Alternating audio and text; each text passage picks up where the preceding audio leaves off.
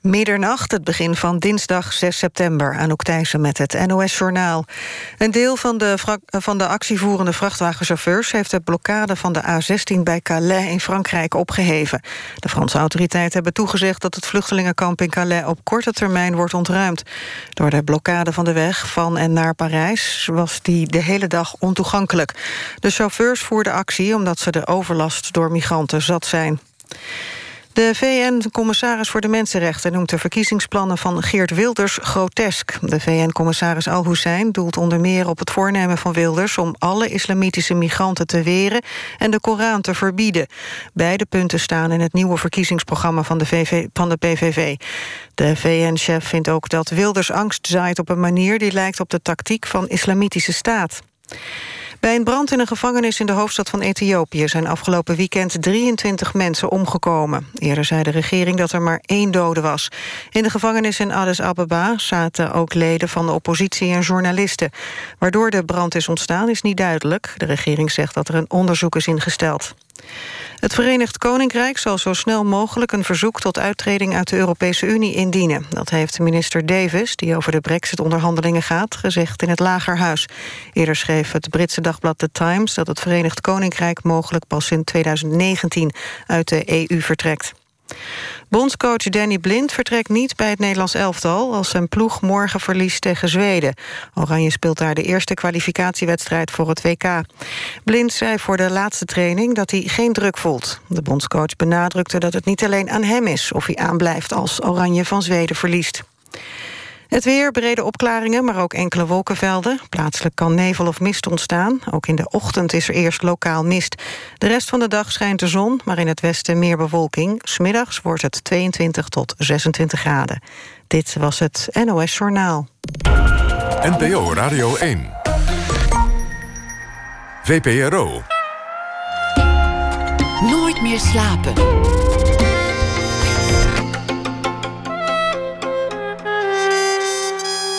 Met Pieter van der Wielen. Goedenacht en welkom bij Nooit meer slapen. Straks na ene gaan we het hebben over een expositie van fotograaf Scarlett Hoofd Grafland in Huis Marseille in Amsterdam. Danny Vera komt op bezoek. Hij heeft een nieuw album uit en hij uh, vertelt over zijn werk en leven in de rubriek Open Kaart. We beginnen met Philip Snijder. Ik zou hem misschien wel een laatbloeier mogen noemen. Hij kwam pas tevoorschijn als schrijver voorbij zijn 50ste levensjaar. Zondagsgeld heette dat boek. En het had als achtergrond zijn jeugd op Bikkers Eiland in Amsterdam. Als je dat nu zou opzoeken, Bikkers Eiland, is een onbetaalbaar hippe woonlocatie. Maar in de jaren 60 lag dat net even anders.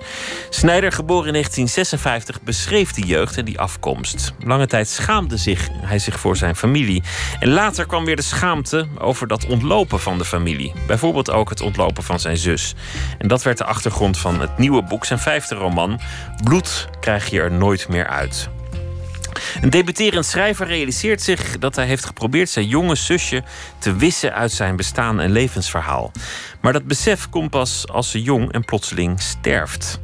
Maar wacht, misschien klinkt het nu alsof Snijder ontzettend uh, loodzware boeken schrijft, maar dat is eigenlijk helemaal niet waar. Het zijn boeken die wrang zijn, geestig. Vaak beschrijft hij dingen die een verteller liever zou verzwijgen: ongepaste dronkenschappen, lafheid of juist misplaatste hoogmoed. Philip Snijder schreef uh, meerdere boeken vol continu. Uh, Retour Palermo en Het Geschenk. Onder andere Philip Snijder, hartelijk welkom. Dankjewel. Voor iemand met jouw achtergrond is het eigenlijk wonderlijk dat je schrijver bent geworden. Als je kijkt naar jouw familie. Werd, werd er thuis ooit. Je bedoelt, eh, zijn er veel schrijvers uit jouw familie voortgekomen? Nee, inderdaad. Eh, als je dat bedoelt, nee. Nee, maar werd er thuis gelezen? Was, was er thuis ja. literatuur aanwezig? Was het, was het een optie om schrijver te worden? Een gedachte die in je had kunnen opkomen? Helemaal niet. Nee, helemaal niet. Het, het, het is, was zelfs geen optie om een lezer te worden. Om iemand te worden die, die, die graag uh, boeken leest. Er waren in mijn jeugd in het milieu waarin ik ben opgevoed op, op het Bikkers Eiland, zoals je al hebt gezegd. In die familie uh, geen boeken. Nee, daar, daar, werd niet gelezen. Ook in mijn eigen ouderlijk huis. Uh, ja, het kan wel eens zijn dat, dat mijn vader ooit eens een boek heeft geleend van een collega.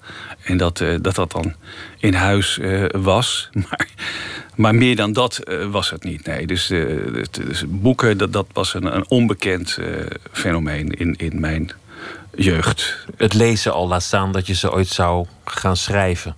Precies, ja. ja. Wat, wat was de houding ten aanzien van school die je vanuit huis meekreeg? Ja, dat, eh, dat verschilt enigszins tussen eh, mijn ouderlijk gezin en dan speciaal mijn vader en de rest van de familie op het Bikkerseiland. Mijn vader, en dat, dat komt ook wel terug in, in mijn eerste boek Zondagsgeld. Eh, was een, eh, een outsider daar in, in, die familie. Hij was niet echt van Bikkerseiland. Nee, hij was niet echt van Bikkerseiland. Hij, hij was ingetrouwd in, in, in, een, in een heel talrijke familie op dat kleine Bikkerseiland, dat oude buurtje in Amsterdam. eh, waar mijn moeder eh, deel van uitmaakte van die familie. Hij, hij is met haar getrouwd en eh, omdat ze een woning nodig hadden eh, en daar heel makkelijk in die familiesfeer op dat eiland woningen te regel, regelen waren, zijn ze daar gaan wonen. Ook al omdat mijn moeder nooit ergens anders zou willen wonen in die tijd. En ja, hij moest dus, hij, hij was een, eh, een man eh, uit, eh, een jongen uit Groningen, uit het platteland van Groningen. Eh, was direct na de oorlog met zijn grote ouderlijke gezin uit eh, dat kleine dorpje Musselkanaal eh, in, eh, in Zuidoost-Groningen in een, in een vrachtboot met alle, alle inboedel naar Amsterdam gevaren. En zijn hier in Amsterdam een, een nieuw leven begonnen. Eerst nog wonend op, in die vrachtboot. En van daaruit hebben ze een, een huis gevonden in de staatsliedenbuurt. Eh, en hij heeft mijn, mijn moeder ontmoet, dat meisje van dat Bikkers eiland. En, en ze zijn ooit getrouwd. Maar ja, hij was natuurlijk een, een jongen van buiten, zoals dat heette in Met- met Amsterdamse kringen. En, Met een eh, andere spraak, een ander accent. een ander accent, eh, een totaal andere achtergrond. En eh, moest ja, een- plaats vinden in dat, in dat nieuwe milieu. En nou ja, dat, dat, dat is hem ook wel enigszins gelukt. Maar ik heb altijd heel duidelijk gevoeld dat hij er niet helemaal bij hoorde. Hij is ook nooit gelukkig geworden. Nee, hij is nooit echt gelukkig geworden. Nee, nee, nee. nee het, het- hij moest. Ja, eh, eh, hij had geen andere keuze. Dit, eh, dit, dit was de familie waartussen hij, hij moest leven. eh, En, en waartussen hij zijn, zijn zoon moest, eh, eh, moest opvoeden. Maar nee, eh, geluk heb ik bij hem nooit gezien. Eh, Dat, dat, eh, de enige, Was, was het een gelukkig huwelijk?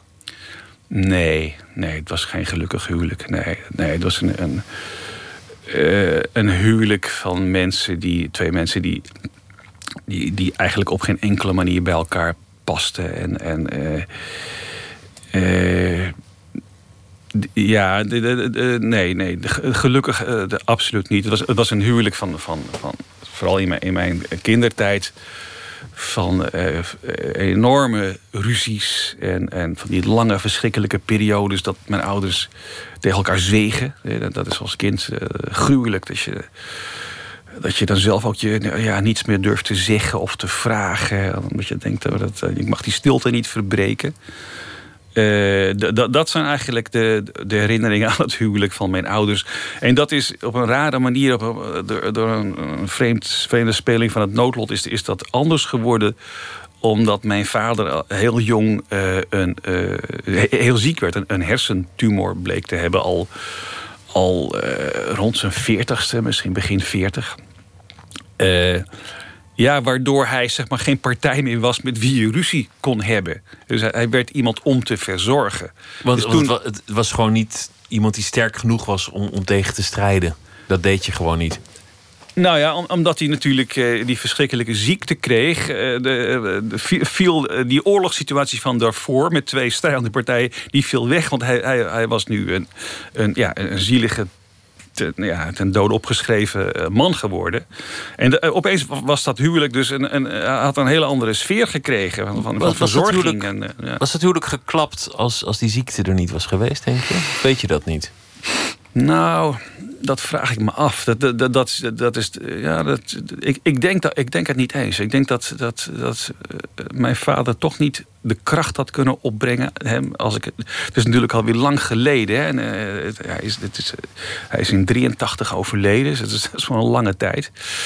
Maar in mijn, in mijn geheugen zit hij toch als iemand die, die dat misschien niet had kunnen opbrengen. Die, die die stap niet had kunnen maken. Nee. Ik denk dat hij toch dan in, met al het ongeluk was doorgesukkeld zo in dat, uh, in, in, dat, leven. Ja. Je zei er is een onderscheid tussen mijn vader en, en mijn moeder en, en de familie die bij je moeder Ja, hoorde. En ik ja. vroeg, wat is de houding ten aanzien van school? Als je dan echt hebt over vraag, ja. de Bikkers Eiland, de, traditionele groep waarin jij de, eh, eh, opgevoed eh, werd. Ja, eh, eh, dat was een, een, een milieu dat niet pro-school en pro-leren was. Nee, eh, het, het, het tegendeel. Eh, school was, was een, een, een ongemak waar je... eh, ja, je moest je leerplichtjaren door, maar, maar zelfs dat...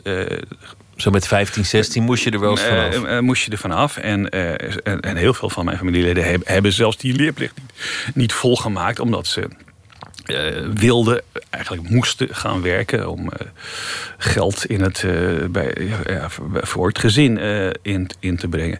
En ja, dus het, het, het, feit dat, dat, dat, dat ik, dat, dat, dat, in mijn situatie, dat, dat- zit allemaal wel ook in mijn werk, in, in zondagsgeld, kon leren. Hè. Misschien waren er wel meer kinderen in mijn omgeving, in mijn milieu, die konden leren, maar die, eh, dat werd neergedrukt. Dat werd, dat werd eigenlijk een beetje afgehouden. Eh, maar mijn vader die, eh, heeft dat juist wel gestimuleerd. Die heeft door alle, zeg maar, alle tegenwerking vanuit dat milieu heen... Nou ja, tegenwerking is ook eigenlijk een beetje niet helemaal de goede term. Maar het was meer een, een houding. Een houding waar, waarbij het ongemakkelijk was als je als je het leuk vond om iets te, om te leren. En als je school eh, fijn vond. Hè, eh, dat, dat hoorde. Werd dat, gespot. dat- daar werd een beetje mee gespot, ja. ja, ja. Op, een, op een voorzichtige manier, moet, moet ik zeggen, in, in, in mijn geval. Want ik was natuurlijk wel een volbloed eh, kind van de familie. Dus ik werd ook, ook beschermd door die familie. Maar een kind dat. eh, een pennenlikker, zou ik maar zeggen. Een kind dat, dat, dat van boeken hield en van leren. Dat, eh, dat werd met, met, ja, met een vreemde blik bekeken. Dat, dat, dat, dat, je, men wist niet goed hoe daarmee om te gaan, eigenlijk. Je beschrijft in, in, in dat eerste boek hoe je als kind al je een beetje schaamt wanneer de onderwijzer, die, die jou als een hele goede leerling ziet, wordt geconfronteerd met jouw familie die bezig zijn met de folderhandel en, en, en wat ze ook doen. En dat er een, een schaamte Ja. bij hoort. Een schaamte tegenover de docent die jouw familie ziet, maar Ja. ook andersom. Een schaamte tegenover die familie dat je een goede leerling bent. Ja, ik, ik- dat ga ik zo beantwoorden. Ik wil wel even, even, even iets stellen. Het is helemaal niet, niet een probleem hoor. Maar je bent jij, niet jij zelf. spreekt mij nu aan als. eh, Je personage. eh, Als, als, mijn, eh, als de, de, de- dat jongetje in, in het boek en, en de verteller. Dat, dat is niet erg hoor, dat, dat mag best. Maar eh, eh, het klopt natuurlijk niet helemaal. Nee, dat Eh, begrijp ik. En, en, en ik lees het ook niet alsof, alsof hier het personage tegenover mij zit. Nee. Dat zou, dat zou ook gênant worden, want dan zou ik Nee, maar goed, je, van je, je, je, stel- weten. je stelt me een vraag over een situatie Nou- alsof ik die echt letterlijk heb meegemaakt. Nee, En hoeft ik me zo goed kan voorstellen. Ja. Daar vraag ik het. Omdat ik kan me zo goed voorstellen dat dat bestaat. Dat zo'n situatie, een Ja. goede leerling zijn in kringen waarin dat niet gebruikelijk is, Ja. dat daar schaamte bij hoort. Zeker. Nee, maar dat is ook zo. Eh, eh, eh, laat ik het zo zeggen. De, de, de, de beleving, de innerlijke beleving van mijn verteller of van mijn hoofdfiguur, dat, die komt overeen met, met de mijne. Dat, is allemaal wel zo. Die, die, die- dat motief van die schaamte en dat worstelen met die, met die afkomst. En dat, dat, dat, dat zit ook allemaal in mijn eigen leven. Maar het is natuurlijk niet zo dat, dat elke scène, elk, elke situatie die je in mijn boeken aantreft, door mij echt zo beleefd. eh, Zeg maar, dat dat echt een levenservaring is. Dat niet. Wel het gevoel daarachter. eh, En misschien het trauma daarachter. Mensen dat denken wel. dat wel vaak. En, en volgens mij moet je dat als een compliment zien voor je, je vaardigheden als schrijver. Mensen, mensen denken dat het werkelijk zo gebeurd is, omdat het dicht bij je eigen achtergrond ligt. Ja. Maar ook omdat je het op een manier beschrijft die iets heeft van een bekentenis. Ik, ja, dat, dat, ik denk dat dat waar is. Eh, eh, die- al- al- mijn werk heeft een, een hele sterke autobiografische verteltoon, vertelstijl zou je kunnen zeggen. Eh, waardoor het lijkt alsof het echt iemand is die, die, die, nou, die memoires schrijft. Hè? Die, die, die, die, die zijn leven vertelt. Dat zit in de, dat zit in de toon, in, in, in, in de manier eh, waarop ik het verwoord. Eh, en dat, dat dat kan enigszins misleidend zijn. Uh, daar wijs ik. Het is niet zo dat, dat, dat ik daar een probleem mee heb. Dat ik het erg vind als mensen denken: oh, dat, dat, dat heeft iets. Dat komt allemaal uit zijn leven. Dat, dat moet dan maar. Maar ik weet dat het niet zo is. Dat, dat, veel van mijn werk, veel van wat ik, uh, van, uh, waar ik over vertel, komt redelijk overeen met mijn eigen leven. Maar ik ben een fictieschrijver. Wat, wat ik belangrijk vind, is, is, uh, is de zeggingskracht van het verhaal. Niet dat ik op een zuivere manier verslag uitbreng van wat ik heb meegemaakt in mijn leven. Begreep jouw familie dat verschil toen je schrijver werd? Want je schrijft over Bikkers Eiland. Dit zijn mensen die geen ervaring met literatuur hebben, maar natuurlijk wel benieuwd zijn wat, wat neefje Philip Nauer heeft gedaan. Konden, konden die dat verschil nee, maken? Dat is, dat, is een, dat is een groot probleem natuurlijk. Nee, dat, natuurlijk niet zo goed. Dat, de, dat zijn mensen die. Uh, mijn familie zijn, zijn, geen, het zijn geen lezers. Dat zijn niet mensen die ervaring hebben met, uh, met, met boeken, met fictie. En, uh, nee, natuurlijk niet. Als, als, als, zij, zij, en, en zij herkennen natuurlijk wel degelijk in, in bijvoorbeeld zondagsgeld. Uh, herkennen zij veel. Hè, omdat dat natuurlijk heel vaak ook wel ervaringen zijn die, die, uh, die zij kennen. En, maar op andere momenten is dat dan weer even niet zo. En, dus als je zegt, is, is dat, is dat, begrijpt iedereen in de familie dat? Nee, nee. Dat, nee dat, dat, is, dat, is, en dat is natuurlijk ook wel een een, een, probleem met het, met het proza dat, dat ik schrijf. Hè. Dat, dat, zo heel dicht, dat toch heel dicht bij, bij, uh, nou, bij mijn eigen persoon, maar ook bij, bij mijn, de familie, mijn afkomst en mijn milieu, is daar heel belangrijk in. En uh, ja, ik denk dat vaak toch ook wel mensen herkenbaar zijn, hè, van die, die familieleden in, in, in mijn werk. En uh, nou ja, goed, dat is een een, ja, een probleem waar je, waar je uh, de schrijver, zit. Als, als, uh... De schrijver in jouw laatste boek die, die, die aarzelt of die het wel moet doen. Of die, ja. die, die heeft hard gewerkt aan dat manuscript. Het is er, de, de uitgever vindt het prachtig, die wil, die wil het uitgeven. En dan komt die aarzeling. Kan ik dit wel maken? Krijg ik ja. niet heibel met mijn familie? Begrijpen die dat wel? Ja, precies. Het, het zit, waar we het net over hadden, dat, dat zit uh, expliciet in, in, in Bloed krijg je er nooit meer uit. Uh, het is een, een, een, een, debuterende schrijver en hij debuteert met een boek dat als je, uh, als je Zondagsgeld kent, dan herken je dat wel. Dat, eh, dat het gaat om, om het door mij echt gepubliceerde Zondagsgeld in 2007. Er worden zelfs frases uit Zondagsgeld geciteerd in, in Bloed krijg je er nooit meer uit. Het speelt op het moment dat hij, die verteller, uh, dat boek is zo goed als klaar. De drukproeven heeft hij al gekregen. Het ligt bijna in de winkel. Het is bijna gedrukt. En op dat moment, in een van, van die dagen, overlijdt zijn, uh, zijn uh, tien jaar jongere zus. Die hij eigenlijk een leven lang uh, van zich af heeft gestoten. Terwijl zij, dat, dat weet hij heel zeker, hunkerde naar, naar zijn steun en, en, en zijn liefde. En zijn hulp bij haar eigen emancipatie uit dat milieu. Dat, dat, ze, dat, hij weet dat ze, dat ze dat heel graag uh, had gewild. En dat heeft hij afgehouden omdat hij, ja, omdat hij zijn eigen leven belangrijker vond. Daar komt het eigenlijk op neer. Ja. En ook, ook weer, denk ik, die schaamte. Ook weer die schaamte voor dat zusje en dat milieu. Ja. Ja, het, het, is, het is een, een, een, Iemand gebruikt de laatste term schaamte in het kwadraat. Dat, dat is wel goed, want uh, dat zit wel in meer van mijn boeken. Dat die, die vertellen, die hoofdfiguur, die heeft gevoelens van schaamte over zijn afkomst, over zijn milieu. Maar tegelijk schaamte over die schaamte. Want hij weet natuurlijk wel, het is een redelijk intelligente eh, man hij weet wel dat je je niet hoort te schamen voor mensen die je liefdevol uh, hebben opgevoed en die je altijd hebben beschermd. En, en die je ook, ondanks het feit dat je ze afhoudt, dat je ze decennia lang uh, alle contact ontzegt, je, onmiddellijk weer in de armen sluiten als je, ze, als je, als je je bij ze aandient daar hoor je niet voor te schamen, voor die mensen. En, eh, maar hij heeft die, die gevoelens wel. En dat geeft dus een, een dubbele schaamte. Want uh, ja, dat, uh, hij weet van zichzelf dat dat niet, dat dat niet goed is. En zoals dat bij hem zit. Sorry dat ik toch vraag naar het Ja, autobiografische. tuurlijk. want, want dan ga ik, dan ga, dan ga ik Nee, voorbij aan, aan de schoonheid van je Geen visie. probleem. Ja. Hoe ver is dat bij jou zelf gegaan? Heb, heb jij je pas wel eens versneld als er een familielid aankwam? Of, of jezelf verstopt achter een, achter een rek in een winkel? Die, eh, nou, zo, letterlijk weet ik niet. Maar er komt inderdaad een, eh, in, eh, in Bloed krijg je er nooit meer uit. komt een scène voor. Waarin, of meer, waarin hij vertelt dat hij dat wel deed. Hè, dat als hij zijn zusje, zijn zusje aan zag komen. In, in, ja, in die hele.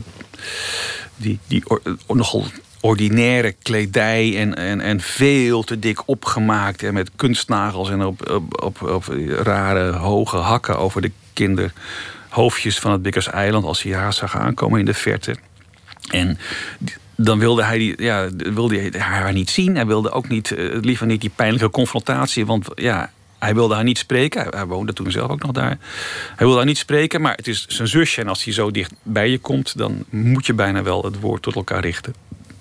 Dus dan koos hij ervoor om, eh, om een zijstraat in te, te slaan. En eh, ja, ik herinner me dat, dat ik dat ook wel degelijk... eh, dat dat is voorgekomen, ja, zaken, zeker. Dat Ja. er ongemak in zat. Dat, dat is misschien niet alleen maar dat je je verheven voelt, maar ook dat je bang bent voor het ongeluk dat, dat erbij hoort bij je afkomst. Het ongeluk van... Van de dat- mensen. De, de, de mensen die niet Ja. in staat zijn hun leven gelukkig te leiden. Ja, eh, zeker. Zeker. Eh, ja, bedoel je, wil je dat aan mij vragen of eh, over, over de verteller? Nou, je vertelde over je ouders die ongelukkig waren. En, en, en zoals je het in het boek beschrijft, vind ik Ja. heel mooi, is een, een, een zusje die, die niet goed is in het leven, die verkeerde keuzes Nee. maakt, Ja. die, die, die slechte relaties heeft en een drankprobleem. Ja, Ik denk dat bij, bij je ontworstelen ook hoort een, een gang naar het geluk, naar, naar verlichting, naar, naar plezier. ja, En, en, en weg van, nou ja, van nederlagen en, ja. en kringetjes draaien. Zeker, zeker. Dat, dat, dat is zo. Maar eh, hij, eh, ik, nou laat ik, laat ik, nou, laat ik gewoon maar ik zeggen. eh, want daar hebben we over, over, even over mijn eigen leven. Het is natuurlijk zo dat, dat die, die, eh, eh, die, die gevoelens van schuld die die verteller in, in eh, het laatste boek heeft, dat die ook bij mij als, als persoon spelen. En dat zo'n zo'n zo'n verstandhouding, zo'n situatie met een jonge zusje dat afwezig was in, in- in, in, mijn leven, dat, dat, heeft zich ook in mijn leven echt, echt voorgedaan. En ehm, nou ja, het, het, het, het was zo dat. eh, dat ik in, het is belangrijk om, om, om je eigen leven vorm te geven, na- natuurlijk, en om, en om, en om eh, je eigen geluk te zoeken.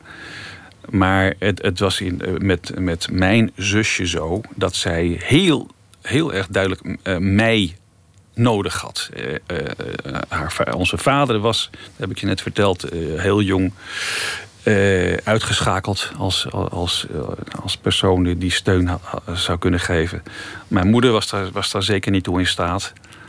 En eh, ik, ik heb altijd het besef gehad dat ik dat wel zou hebben gekund. En dat ik dat, dat, ik dat heb laten zitten. Ja, ja. Dat ik haar, en dat ik haar, dat ik met eigenlijk met redelijk weinig inspanning mijn zusje een veel gelukkiger leven had kunnen geven. Je had een Door- kunnen reiken, ermee kunnen nemen. Ja, precies. er introduceren in dingen. Precies. Nou ja, min of meer wat, eh, wat, wat ook de, de ik-verteller in, eh, in Bloed krijg je nooit meer uit eh, zegt over, zijn, ja, over zichzelf. Ja. Waar- Nee. Waarom kon je dat niet? Nou, dat, dat, dat, is, een, dat is een goede vraag. Dat is een goede vraag. Daar, ehm, ja, je zou kunnen zeggen, te zwak. Het, eh, eh, eh, had meer kracht kunnen opbrengen in je leven.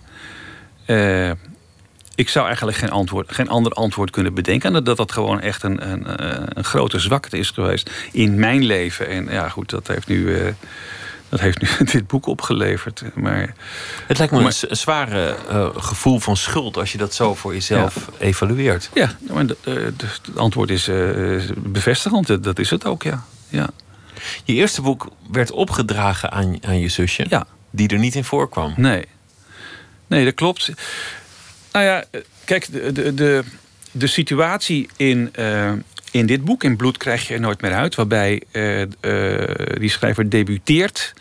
zijn, zijn, zijn boek komt, ligt bij, komt bijna van de, van, de, van de drukpers af die komt overeen met de historische werkelijkheid. Het, het was echt zo dat toen ik in, in, 2007, in, uh, het was in januari 2007, um, zondagsgeld uh, kwam eraan. Uh, ik, ik, ik, had gewoon een baan, ik, werkte ergens.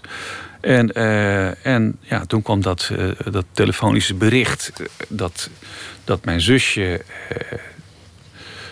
ja, naar in, kritieke toestand naar het ziekenhuis was gebracht. Nou goed, het, het, verhaal zoals het in het, in het, in het boek staat, dat, dat, dat komt overeen. Ehm, het, en, en, en ja, het, was echt zo dat ik toen... Uh, ik zat dus in, in de euforie van, van uh, een boek. De, je debuut. Op, 50 jaar geleden en opeens ga ik, ga ik, kom ik met een, een boek. Wat, wat, wat, wat een geluk allemaal. En wat, wat biedt het leven me toch veel. En, en ja, daar overheen kwam die, die, die krankzinnige oorvijg van dat uh, bericht van de zus. En, uh, ja, en, en, en, en, zo is het gegaan. Je vroeg naar die, naar die opdracht. Ja, dat heb ik toen, dat heb ik toen besloten. Dat boek was al, was al klaar. En ik maar de opdracht kon nog geschreven worden? De opdracht kon er nog net bij, ja. Ja, ja voor mijn zusje staat er voor in. Ja, dat klopt. Ja. Je, je debuteerde op, op je vijftigste je beschrijft het als een soort euforie. Dat boek komt er eigenlijk. Eh, eh, je, je, je bent uit, nou ja, uit, de, uit de duisternis ontreden als schrijver. Je schreef al je hele leven, maar nu kwam je ervoor uit. nu ging je gepubliceerd worden.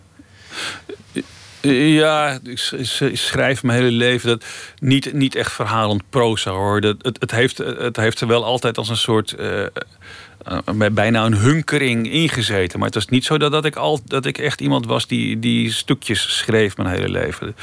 Aan, aan, in mijn, lange brieven schreef Ja, precies. Ja, Oké, als je dat bedoelt. Dat is ja, dat, schrijven? Dat was, ja, ja, ja.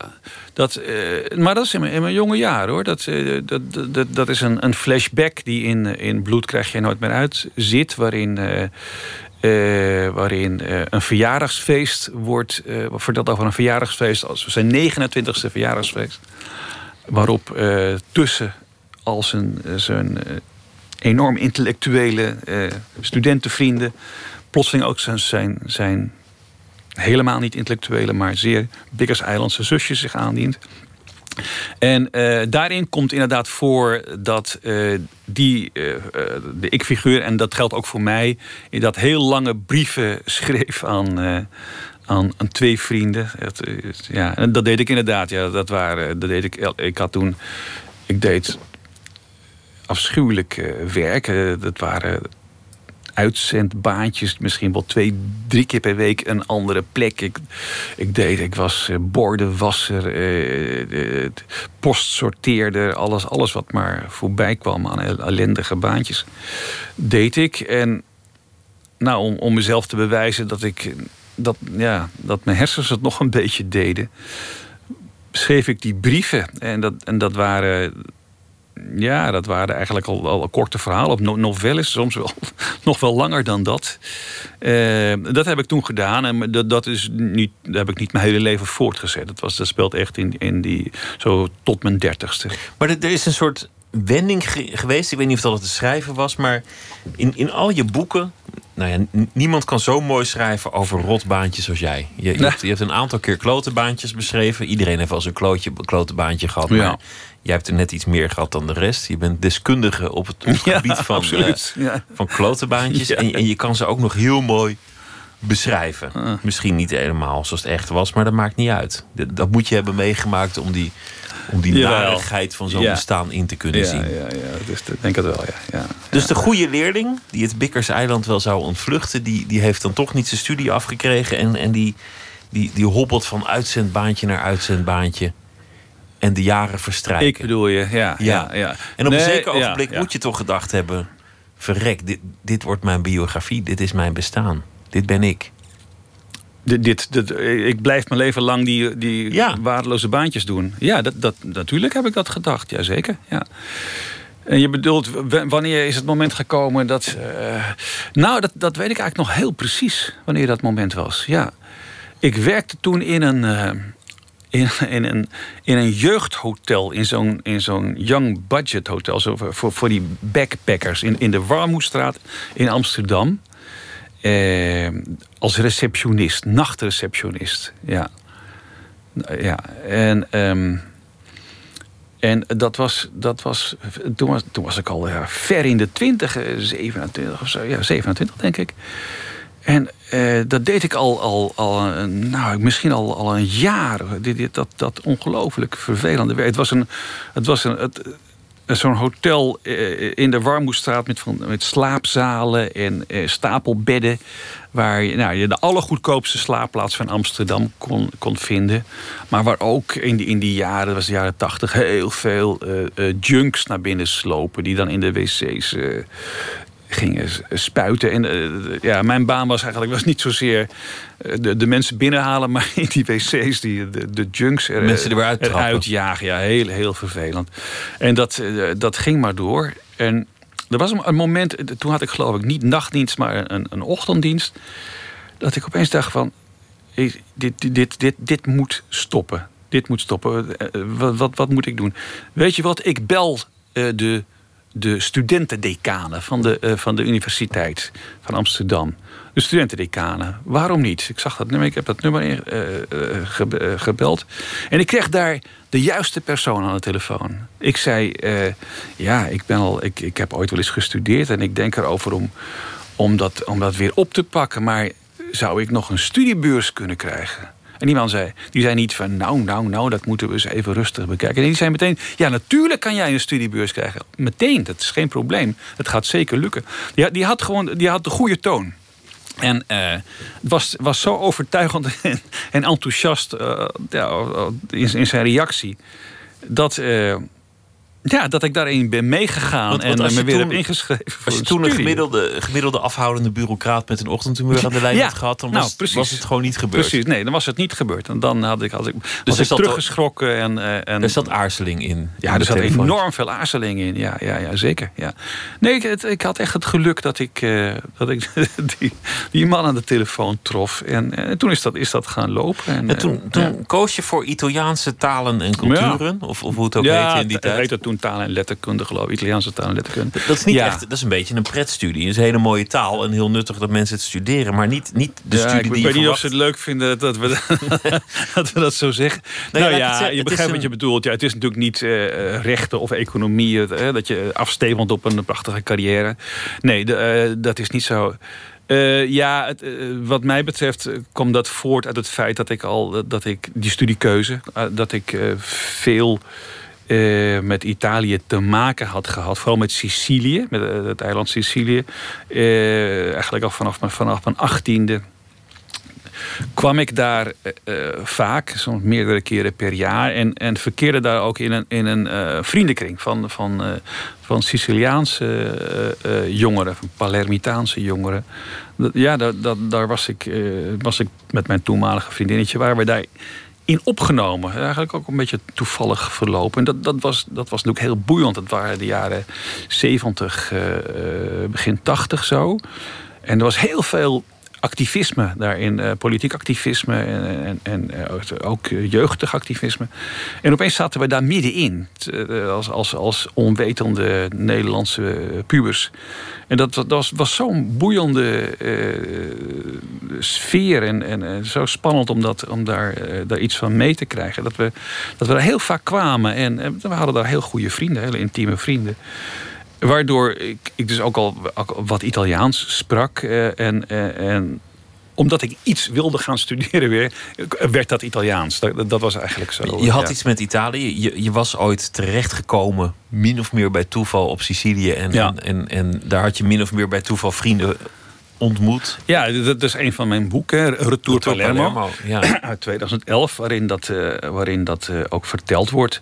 Ja, ja eh, het, we zijn min of meer toevallig daar, daar terechtgekomen. En al heel snel ja, mensen ontmoet die, het, die ons toegang gaven tot tot uh, uh, ja, delen van, van, van, van de stad en, en, en van, de, van de cultuur en van, de, van de, het leefklimaat, die je als toerist niet zo goed bereikt, normaal gesproken. Dus dat, dat, dat, was, een, dat was een groot geluk. En, en ja, zoals ik zeg, daardoor zijn we daar, daar blijven komen. En. Um, en daar ook, daardoor ook de keuze uiteindelijk om Italiaans te gaan studeren. En, en, dat werd uiteindelijk een bevrijding van de, de ellendige baantjes. Toen was je nog niet meteen schrijver, maar, maar je, nou ja, je, je ontsnapte toch een beetje aan een gedoemde Zeker. levensloop. Ja, nee, studie, dat was inderdaad een, was een ontsnapping uit, dat, uit, uit die, die verschrikkelijke periode die jaren heeft geduurd. Uh, daarvoor van, die, ja, van die, die, die, suffe, die suffe baantjes die maar elkaar maar op bleven volgen. Ja, ja, ja die studie heeft dat. Uh, in, jouw, in jouw boeken zijn het altijd vertellers, die meteen ook personages zijn, die hun, hun kwade kant blijft niet onderbelicht. Ze, ze zijn laf, ze zijn nodeloos dronken en dan lukken dingen niet. Ze, ze begaan blunders. Het, zijn, het zijn verhalen die een ander voor zich zou willen houden, ja. die, die juist worden verteld. Ja, dat is waar. Ja, ik. Uh, kijk, ja, dat, dat is zo. En. en, en uh, ja, waarom? Ik, ik, ik, ik, ik denk dat het. Uh, ja, dat zijn natuurlijk vaak ook, ook intuïtieve, intuïtieve uh, waarom waarom uh, is, is, die vertellers, waarom haal je dat naar voren? En ik, ik denk dat het. ik, ik lees zelf ook het liefst over, over mensen die, die, die niet heldhaftig zijn. Of die niet die niet geslaagd zijn in het leven of, of geen succes hebben.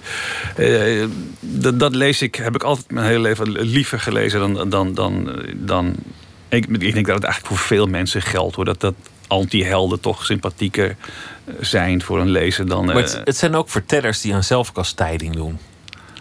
Uh, in, nou ja, in de zin van dat, dat, dat die verteller uh, niet bang is om, om uh, zijn zwakheden en, en, eh, en, eh, en eh, de dingen die hij echt slecht heeft gedaan weer te geven. Hij geeft ze natuurlijk eigenlijk aan zichzelf weer. Hè? Want het is niet zo dat, dat, dat hij tot, tot een lezer spreekt, maar hij spreekt ze uit. Dus hij, hij, hij, hij, hij wil ze, wil ze beseffen. Ja, ja dat, dat, dat, onder ogen komen, onder niet, ogen niet, zien, niet ervoor ja. wegrennen. Dat deed je net zelf ook. Want je, je zei, ik, ik heb eigenlijk mijn zusje niet de, de handreiking uh, aanvaard die ze mij gaf. Ik heb haar eigenlijk laten zitten. Ik had haar kunnen helpen en, en dat heb ik niet gedaan. Nee, dat, is, dat, is een, dat is een heel hard oordeel over jezelf. Uh, ja. Ja, dat, dat, is, een, dat is een hard oordeel. Maar... Dat is een neiging die ik bij al jouw vertellers herken. Om, om ja, ja, ja. het eigen tekortschieten niet, niet te verdoezelen ja, dat is niet alleen wat je herkent. Ik denk dat dat ook, dat dat echt, eh, echt zo is. Dat, dat die vertellers dat, uh, dat doen. Ja.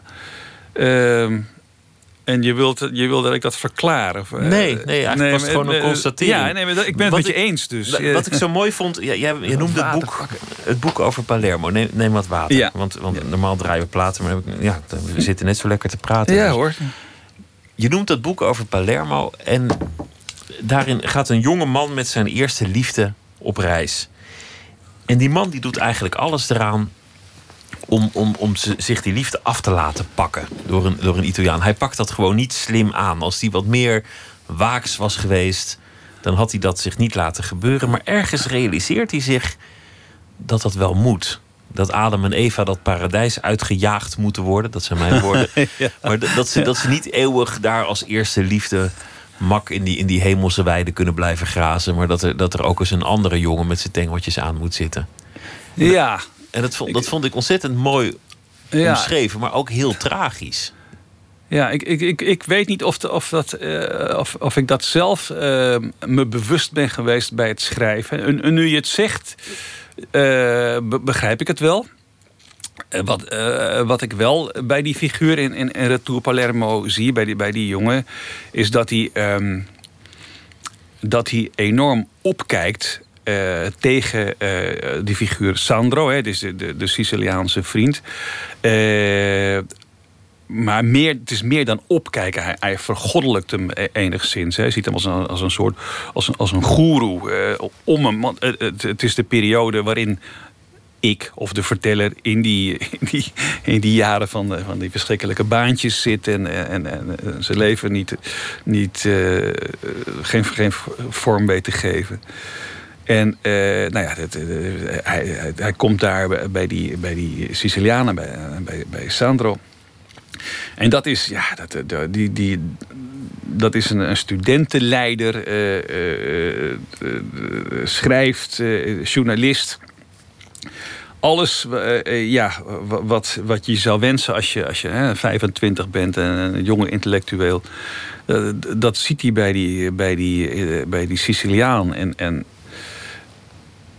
ja, hij, hij, is, hij wordt niet, niet jaloers, maar hij, hij valt bijna op zijn knieën, zou ik maar zeggen, van, van, van, van aanbidding hè? Van, of van onderdanigheid. En vindt het dan ook niet erg dat zijn vriendinnetje die man wel interessant vindt en hem met een tuinslang nat spuit en het wordt een beetje een erotisch tafereel. Precies, ja. En dat die blikken over en weer gaan. Hij denkt eigenlijk, nou ja, ik, ik, gun jou mijn vriendin wel en ik gun mijn vriendin deze man. Ja, ik, ik, geloof dat dat wordt, dat wordt niet uh, uh, als zodanig uitgesproken door, door de verteller. Ook niet als, als, als gedachte. Het, het, maar maar ik, ik begrijp wel dat je dat, uh, dat, je dat eruit hebt, hebt gehaald. Ja, ja. Ik, het, ik denk dat dat, dat, dat signaal wel, wel enigszins wordt gegeven. Ja.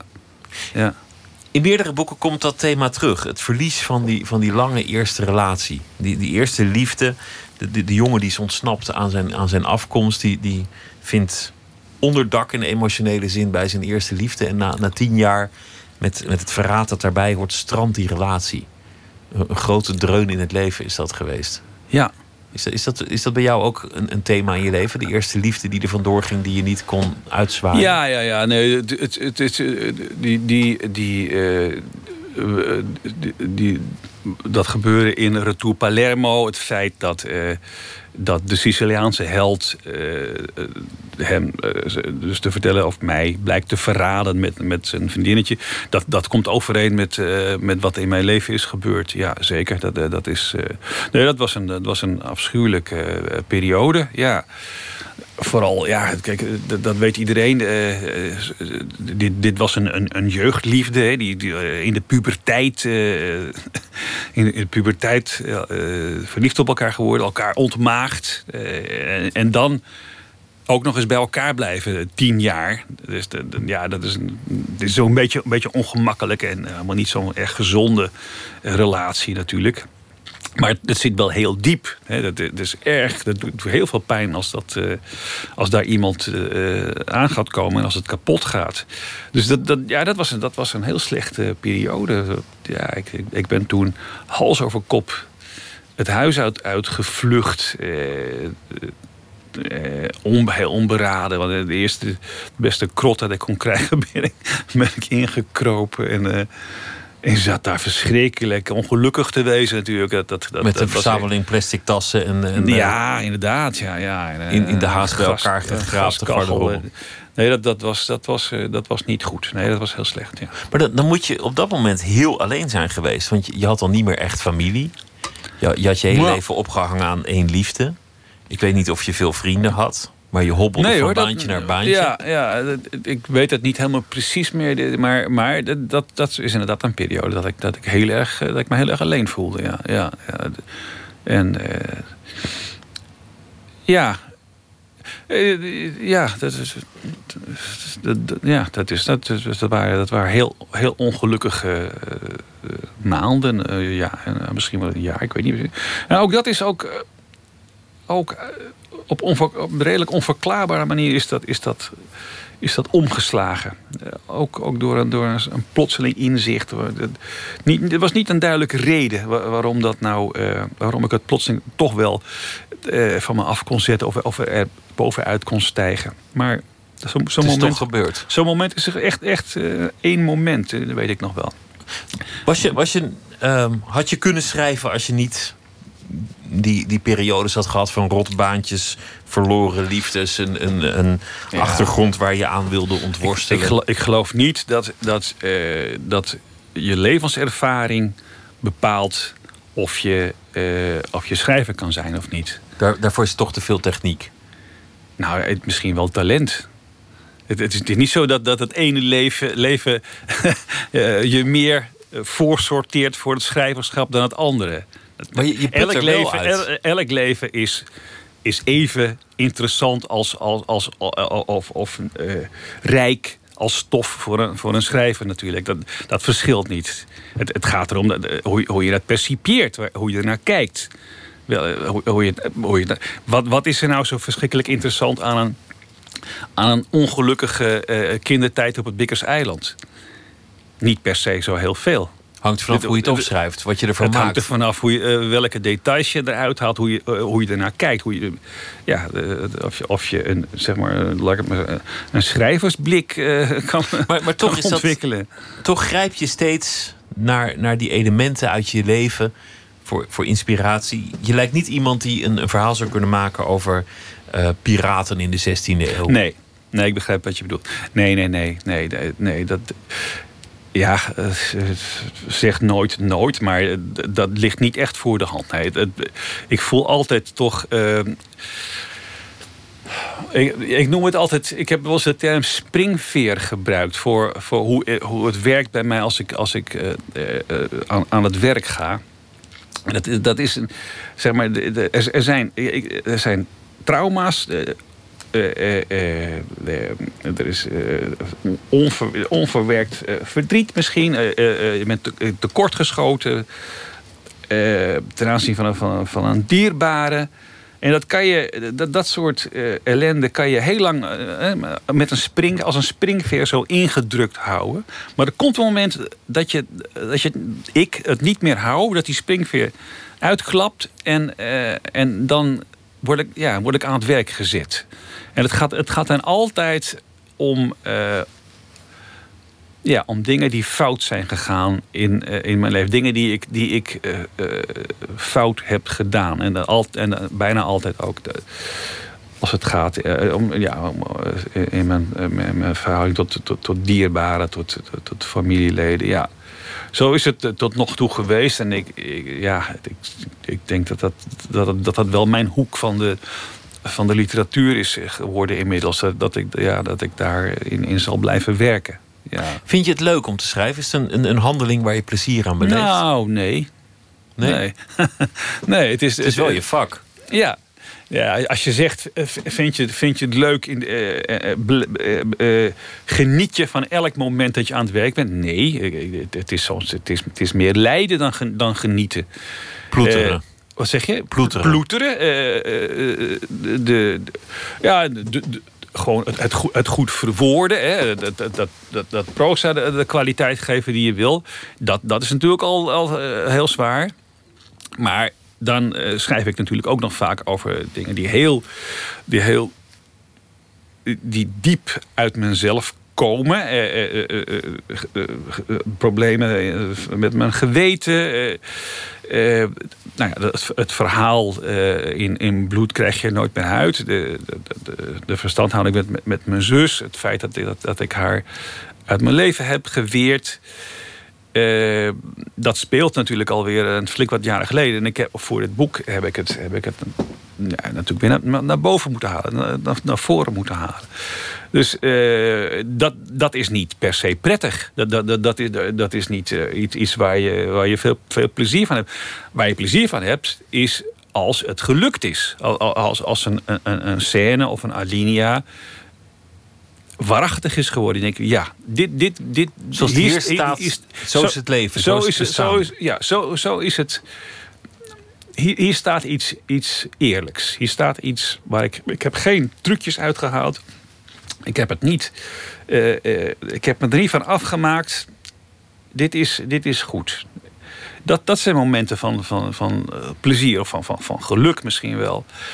Maar die zijn natuurlijk maar kort, want je moet weer door met de volgende. Maar even dat moment dat het er staat... Ja. en dat jij dat hebt geschreven... en dat daar iets waarachtig staat... Ja. dat je denkt, dit, dit, dit, ja, natuurlijk. Dat, dat, dat zijn heel fijne dit momenten. is echt. Tuurlijk, ja, vanzelfsprekend, ja. Ja. Er zijn weinig- in, in de Nederlandse literatuur wordt veel geschreven over drank, alcohol, eh, drankmisbruik, eh, dronkenschap. Maar Er zijn, zijn weinig schrijvers die, die zo mooi van binnenuit een dronkenschap kunnen beschrijven.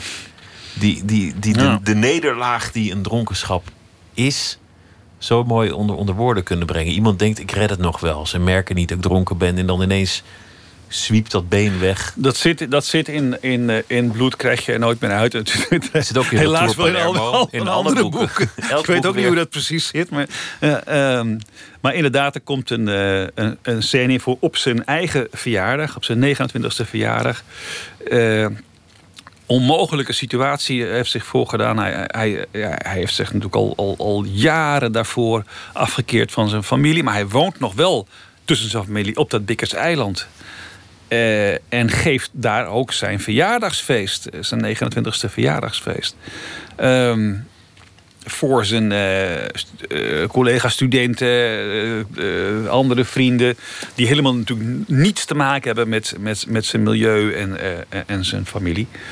En ja, die, de verjaardag is gaande. En om een uur of tien gaat de bel nog een keer en dient zich nog een, laatste, een late gast aan. Maar hij gaat naar de deur en het, het blijkt, nou ja, het blijkt zijn, zijn zus te zijn. Die ook al natuurlijk al jaren daarvoor hij uit zijn leven eh, eh, heeft gebannen. En die staat daar eh, eh, op, op, op de mat met een pakje, een cadeautje in haar handen. En zegt in, in, heel plat Amsterdams: Ja, ik ik ben jarig. En eh, ik dacht, ik, ik ga even langs. En dus hij, hij weet zich geen raad met, met, met, met, met die situatie. Die, die, zus die helemaal niet tussen die vrienden past. Die een, uiterlijk heeft waar, hij- zich. Een beetje hoerig, beetje ordi, ordinair. En, en, ja, maar hij kan niet anders doen dan haar binnenlaten. Dan- dat gebeurt en dan, dan, dan is die zus dus tussen die, tussen die, die, die vriendengroepen die haar bekijken als een, als een, als een alien, als een, eh, een curiose. Wat, wat is dat voor iemand? Ja, dit, dit is mijn zus. Hij geneert zich dood en hij, eh, hij, weet niet wat hij moet zeggen. Eh, ja, en, en hij, gaat haar jas wegbrengen, komt terug en ze blijkt opgenomen te zijn in een groepje van die studentenvrienden. Wat, en hij kan niet horen hoe die conversatie loopt, maar hij ziet dat de mensen, de mensen om haar heen, die, die, die, die, die, die, die vrienden, die luisteren op een bepaalde manier naar haar. Niet zoals je, eh, als, zoals je iemand luistert met wie je een gesprek voert, maar als je iemand beluistert. Dus ze- luisteren, hij ziet dat ze naar haar luisteren omdat ze zo plat Amsterdam spreekt, omdat ze heel anders spreekt dan, zij. Eh, nou, dat, dat, dat, hij, eh, hij raakt daar enorm van in de war en, eh, en begint zich eh, te bedrinken met, met, eh, Met jenever. Met, met jenever. En dat wordt dus een, binnen de kortste keren is hij, is hij straalbezopen op zijn eigen verjaardag met die zus.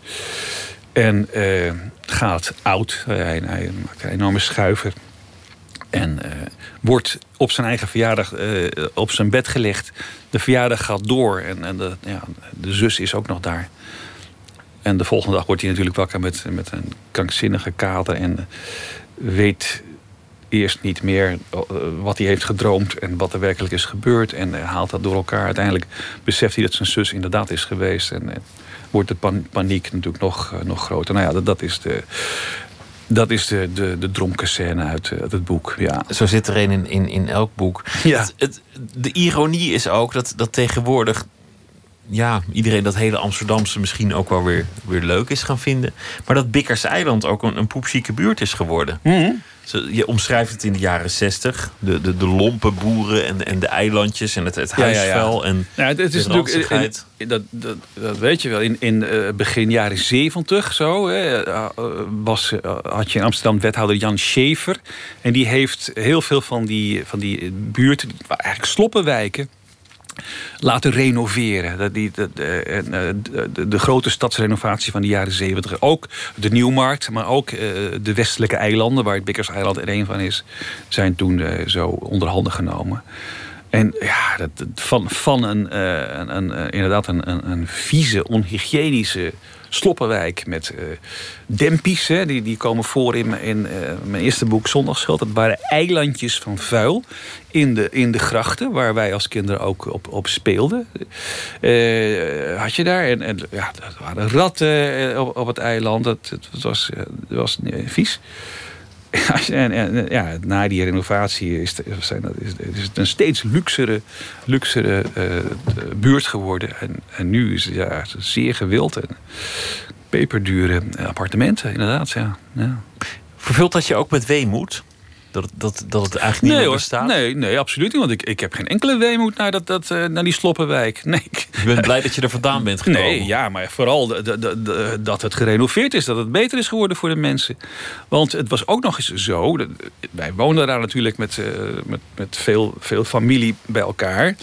En um, er was toen een, uh, in die tijd van die renovatie, hè, toen de huizen mooier werden en, en duurder, was er een actiecomité actief daar. En die mocht, uh, die mocht ervoor zorgen dat buurtbewoners, mensen die al, generaties daar woonden, uh, niet al te dure, uh, hoge huur zouden krijgen. Dus, dus de familie heeft allemaal betere, mooie huizen gekregen, maar tegen betaalbare huren. Ja, dus dat, nee, het is alleen maar geen enkele weemoed. Het is alleen maar heel veel beter geworden. Ja.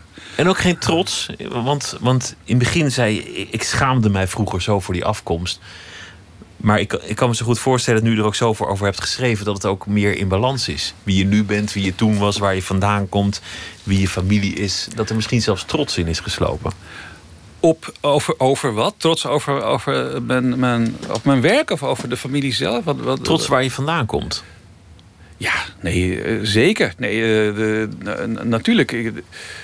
Uh, alleen al het feit dat ik, uh, dat ik het zo centraal in, in, in mijn werk, uh, zo'n zo centrale plaats in mijn, in mijn werk geef, geeft dat al aan, denk ik. Dat, uh, als die trots er niet zou zijn, dan, dan, dan was, dat, was dat niet gelukt om, om juist weer over die schaamte te schrijven. Nee, nee, ik, ik, ik ben enorm, enorm trots. Dat is een mooie paradox. Je moet trots hebben om over de schaamte ja, ja, te kunnen ja, schrijven. Ja, ja, in dit geval geldt die, die paradox, ja. ja. Ja. Zoals je ook moedig moet zijn om over je lafheid te kunnen schrijven. Ja, misschien wel. Ja. ja. Dank dat je te gast wilde zijn, Philip Snijder. Over het uh, boek, uh, Bloed krijg je er nooit meer uit. Ik uh, ben je dankbaar voor je, voor je verhalen bedankt. en voor je aanwezigheid. En ik ben heel benieuwd naar wat je hierna nog meer allemaal okay. gaat doen. Ja. We gaan luisteren naar Sky and Ross met Medicine.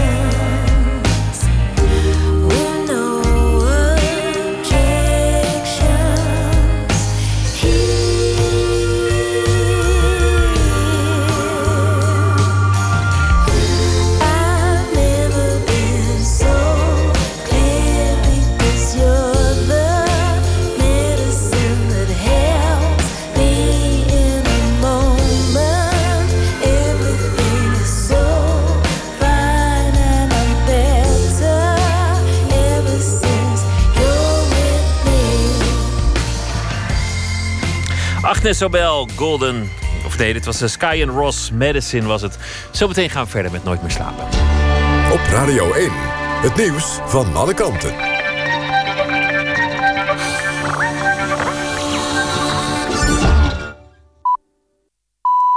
1 uur, en ook Thijssen met het NOS-journaal. De Amerikaanse president Obama heeft een ontmoeting... met zijn Filipijnse ambtgenoot Duterte afgezegd. De twee zouden elkaar ontmoeten in Laos... waar deze week een top van Zuidoost-Aziatische landen is. Maar in een gesprek met journalisten noemde Duterte Obama een hoerenzoon. Verder zei Duterte dat hij zich niet zal inhouden... als Obama kritiek heeft op zijn drugsbeleid. De Filipijnse president treedt hard, keihard op tegen drugsverdachten... die op grote schaal worden gedood door doodseskaders. Het Witte Huis heeft laten weten dat op deze manier van een constructief gesprek geen sprake kan zijn. Minister Schippers denkt dat het verbieden van fundamentalistische antidemocratische bewegingen niet werkt. In de jaarlijkse HJ schoollezing sprak ze van een levensgroot dilemma waar ze lang over heeft nagedacht. Schippers zei wakker te liggen van zorgen over de toekomst van haar kind. Ze spreekt de hoop uit dat haar dochter de vrijheid zal hebben om haar eigen keuzes te maken. En ze pleit voor een vrijheidscoalitie die onze verworvenheden actief verdedigt. Dat laatste zijn we volgens de VVD-minister verleerd, omdat we dachten dat iedereen wel onze vrijheid. Een deel van de actievoerende vrachtwagenchauffeurs in Frankrijk... heeft de blokkade van de A16 bij Calais opgeheven. De Franse autoriteiten hebben toegezegd... dat het vluchtelingenkamp bij Calais op korte termijn wordt ontruimd. Door de blokkade was de weg van en naar Parijs... de hele dag ontoegankelijk. De chauffeurs voerden actie omdat ze de overlast door migranten zat zijn. De VN-commissaris voor de Mensenrechten noemt de verkiezingsplannen van Geert Wilders grotesk. De VN-commissaris Al-Hussein doelt onder meer op het voornemen van Wilders om alle islamitische migranten te weren en de Koran te verbieden. Beide punten staan in het nieuwe verkiezingsprogramma van de PVV. De VN-chef vindt ook dat Wilders angst zaait op een manier die lijkt op de tactiek van islamitische staat.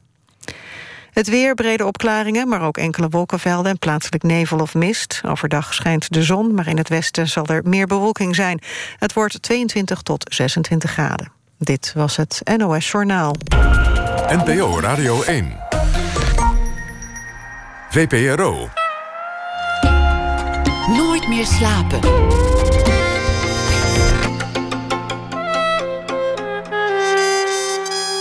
Met Pieter van der Wielen. Scarlett Hoofd-Graafland reist voor haar foto's de hele wereld over. Ter plekke bedenkt ze wat ze wil fotograferen en ze improviseert met de situatie. Zometeen een eh, gesprek met haar, want ze heeft een tentoonstelling Shores Like You in Amsterdam. Zanger-gitarist Danny Vera komt langs. Hij heeft een eh, nieuw album uitgebracht, The Outsider. En daar zullen we ook eh, een nummer van draaien. Maar we beginnen met Katelijn Schilder. Zij is deze week onze huisschrijver. Ze is schrijfdocent, auteur van twee romans, De Eenling en Eerst een Huis. En ze publiceert ook korte verhalen. Deze week zal ze elke nacht een verhaal voor ons maken over de voorbije dag. Katelijn, goeienacht. Dag Pieter.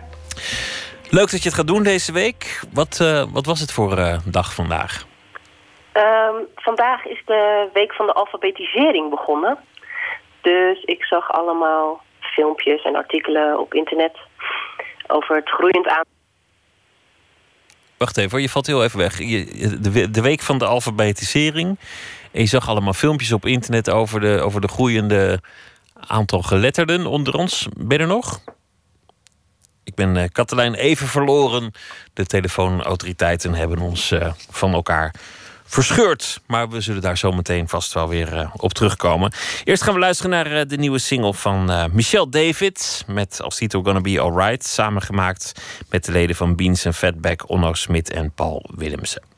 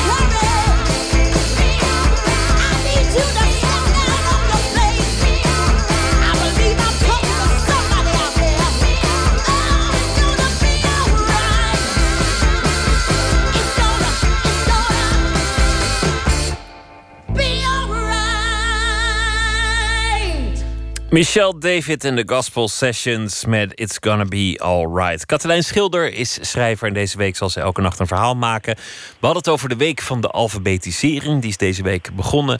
En toen uh, verliet je mij, of althans, ik verliet jou, of de, de telefoon kapte ermee. Ik weet niet hoe ik moet omschrijven. Maar je wilde net vertellen dat je iets had gelezen over de toenemende geletterdheid. Ja, of ja, juist de afnemende. Er zijn geloof ik 2,5 miljoen laaggeletterden in Nederland. Oh, de toe, toegenomen laaggeletterdheid. Ja, de laaggeletterdheid. Ja, en daar willen ze wat aan doen. Dus er komt extra geld bij en extra cursussen bij om uh, de mensen bij te spijkeren. Ja. En dat inspireerde jou tot het schrijven van een, uh, een verhaal? Ja, daar komt ie. Ik ben benieuwd. Boodschappen doen na de eerste les van de cursus lezen en schrijven in het buurthuis De Waaier. Allemaal aardige mensen, zegt de vrouw voor mij in de rij bij de kassa. Terwijl ze de boodschappen op de band legt, praat ze in haar mobieltje. Ja, weet je, ze hebben allemaal verhaal, vertelt ze verder. De vrouw naast mij zat bij de nonnen en niemand die haar eens vroeg iets anders te doen dan handwerken. De vrouw knikt vriendelijk naar de cashier die razendsnel de plucode voor bloemkool intikt en een pak dubbelfris langs de scanner haalt. We gingen vandaag de A schrijven, zegt ze. Nou, dat blijkt ik dus al die tijd verkeerd te hebben gedaan. De A. Ik was er vandaag een uur mee bezig. Ze zeiden dat mijn A op zo'n internet-A lijkt. Hoe heet dat? Een dierenstaartje? Apenstaartje, wil ik zeggen. Maar net op tijd besef ik mij dat ik dit gesprek afluister. Zegt die mevrouw naast me, het lijken wel hieroglyphen, vertelt de vrouw verder. Ik zeg je, ik ben blij dat we die letters niet meer in steen hoeven te bijtelen. Dan borduur ik ze nog liever. Stel je voor zeg, dat ze over 4000 jaar onze klapblaadjes vinden... en dat ze dan denken, wat waren die mensen in hemelsnaam aan het doen? Daar moet ik nou al de hele dag om lachen. Dat ze daar staan met hun witte handschoentjes en mijn eerste klapsblaadjes. De vrouw geeft haar bankpas aan de cashier die opstaat om over het randje van het pinapparaat te kijken. Dan toetst het meisje de pincode van de vrouw in. Ze knikken naar elkaar. Die doen ze duidelijk al sinds tijden zo. Over 4000 jaar is alles wat er vandaag geschreven en ingetikt is weer een raadsel. Maar nu, hier aan deze kassa, is alles even zo helder als wat. Tot zover. Bij het begin van uh, de week van de alfabetisering en bij het bericht dat de laaggeletterdheid weer uh, toeneemt, uh, schreef je dit verhaal. Katelijn Schilder, dank je wel. Morgen krijgen we weer een verhaal en voor nu wens ik je een hele goede nacht. Tot morgen. Tot morgen. Nooit meer slapen. Van hooggelegen zoutvlakte in Bolivia tot de kust van Vanuatu. Beeldhouwer en fotograaf Scarlett Hoofd Graafland reist voor haar werken naar afgelegen gebieden. Dan uh, ter plekke kijkt ze wat ze wil fotograferen. Ze zoekt materialen en creëert tijdelijke sculpturen. Het is te zien in Amsterdam in Huis Marseille. Komend weekende opent al daar een tentoonstelling van de internationaal erkende kunstenares. De expositie heet Shores Like You en laat foto's zien die ze de afgelopen vier jaar heeft gemaakt. Er komt ook een boek bij de tentoonstelling en verslaggever Nicole Terborg die sprak haar. Nee, van zee. Ah, saai. Ik ga naar plekken echt om daar ontdekkingen te doen. En om, ik ga ook altijd voor langere tijd. En probeer echt met mensen een, iets op te bouwen. Om, om zo echt in te duiken in een cultuur. En het liefst bij mensen thuis te logeren. En, en daar echt wel een paar ja, weken, soms maanden wel. En soms kom ik ook weer terug op plekken dat ik daar wel een paar maanden in totaal zit. Oké, okay, and now these people, they all have to... Uh... Scarlett staat voor een camera op statief en geeft aanwijzingen via een tolk aan tien donkere vrouwen. Zij zijn tot aan hun voeten in het wit gekleed, liggen op de grond met hun benen omhoog tegen een baobabboom. Ze wordt omringd door deze reusachtige bomen die wel 30 meter hoog kunnen worden. Want ze is aan het werk in Madagaskar. De kunstenaar reist meestal naar plekken met een wijd uitzicht en creëert dan met hulp van de lokale bevolking. Ja, wat me misschien ook juist omdat hier in Nederland het heel moeilijk is om plekken te vinden die, die nog zo verlaten zijn en waar de natuur nog zo uh, ruig uh, aanwezig is. Uh, dat me dat juist zo aantrekt aan dit soort plekken. En waarbij vaak de mensen ook veel dichter bij de natuur staan. En, en uh, ja, dus daar ben ik wel naar op zoek.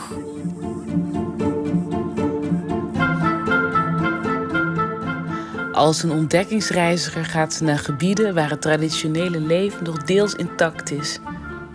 Maar om daar te komen en te werken, moet ze wel wat doorstaan. In het poolgebied daar hebben we wel, ehm, ja, toch wel hele enge dingen meegemaakt. Met, dat ik met jonge jagers uh, gingen we op een zeehondenjacht in, op de zee.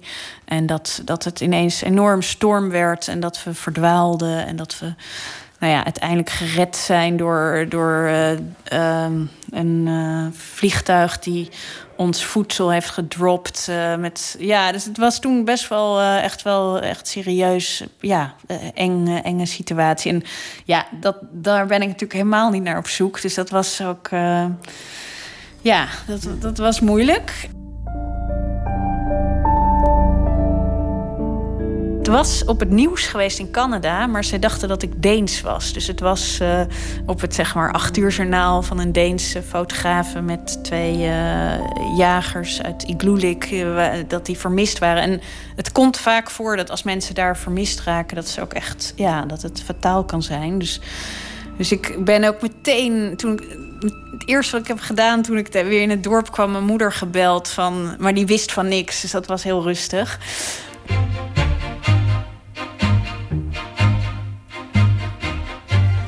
Het resultaat van reizen naar onherbergzame gebieden zijn surrealistische foto's die bijna onwerkelijk aandoen. Toch komt er geen Photoshop aan te pas. Ze werkt analoog en zonder fotobewerking.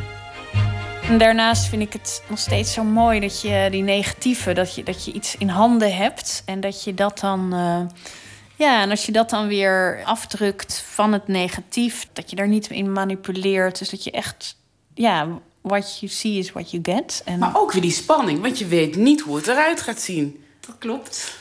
Ja, en het, af en toe zijn het enorme teleurstellingen geworden. En dat is verschrikkelijk. Want dan, dan, nou ja, dan kun je. Ja, soms mislukken dingen. Maar. En soms worden dingen ook mooier dan dat je gedacht hebt. En wat ook nog zo is, zeker deze tijd. Het is ook allemaal veel duurder geworden. Hè, omdat dat er zo weinig mensen nog analoog werken. En ik neem niet te veel rolletjes mee. Dus ik moet ook sowieso heel erg kiezen al wanneer ik foto's ga maken.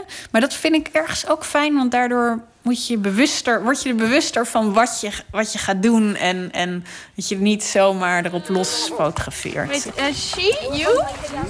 Should stand uh, here? Ja, ja. In haar foto's geeft ze met een kleine ingreep een landschap een twist. Dit doet ze improviseren met objecten, composities en bijzondere houdingen van mensen. Van een iglo gemaakt van limonade tot vijf man in de woestijn verborgen onder roze, boerka-achtige doeken. Daar lijkt het op omdat, omdat ik die doeken zo heb doorgetrokken dat ze ook hun gezicht bedekt is. En daardoor begint het op een boerka te lijken. En het leek mij mooi om iets te doen met die doeken. Ook omdat ik gehoord had dat uh, in de Verenigde Emiraten dat, dat de, de hoofddoeken die mannen dragen, dat je daar ook de status aan kan aflezen. En ik dacht om dan iets te doen met, met die roze doeken in zo'n rozeachtige setting. Uh, waardoor het bijna een soort barbapapa's worden. Weet je? Dus die vormen worden bijna abstract. En ook een beetje spookachtig, bijna. Maar, en ook gewoon speels. Want ik, ja, mijn idee was om een soort.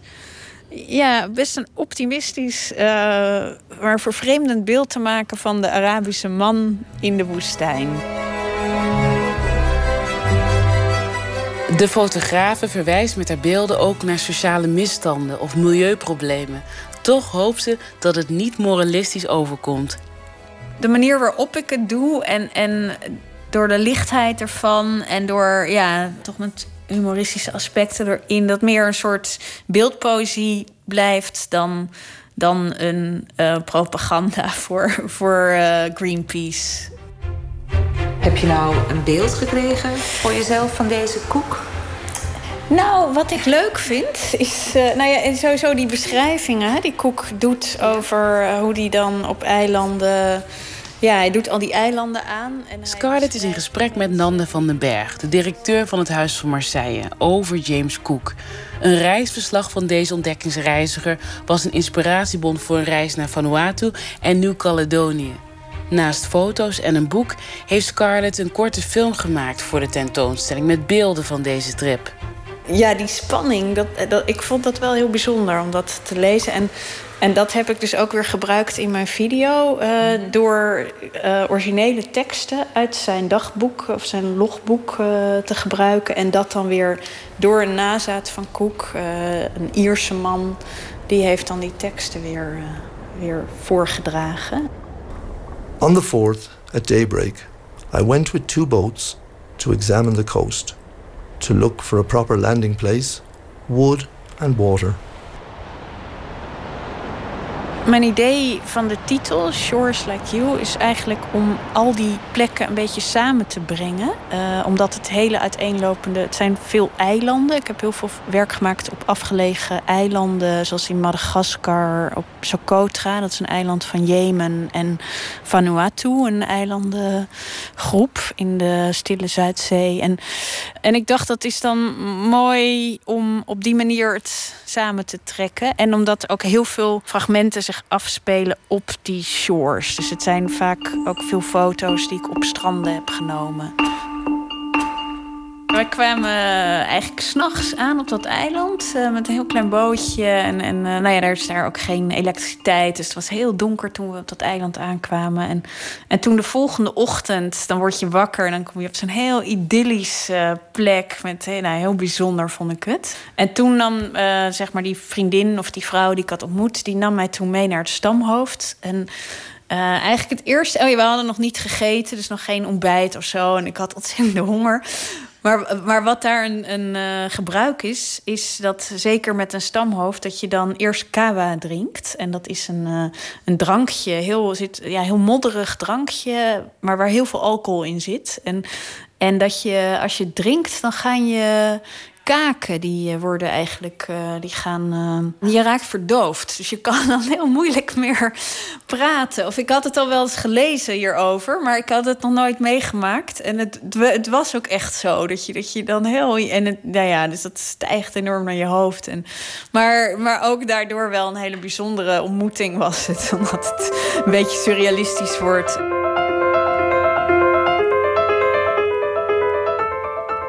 Gaat dus steeds op zoek naar ongerepte natuur, maar ook naar mensen die nog heel authentiek uh, leven. Waar, waarom vind je dat belangrijk om, om naar op zoek te gaan?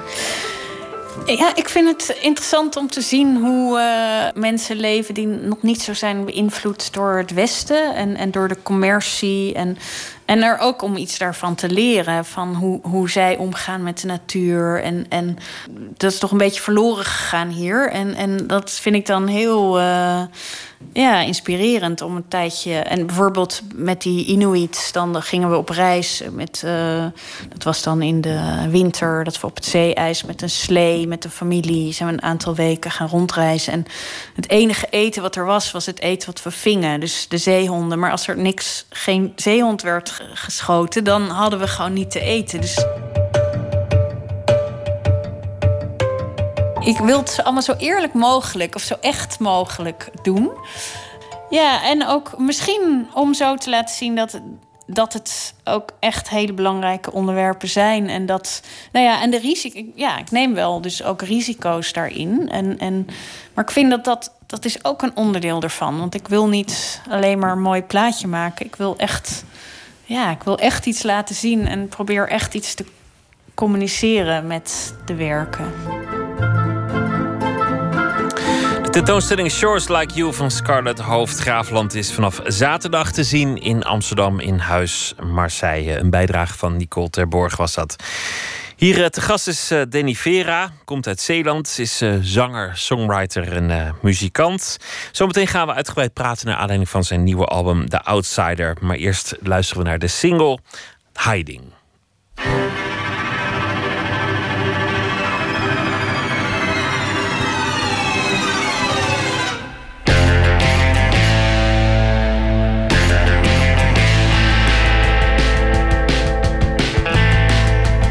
Nothing left to see when the war is over.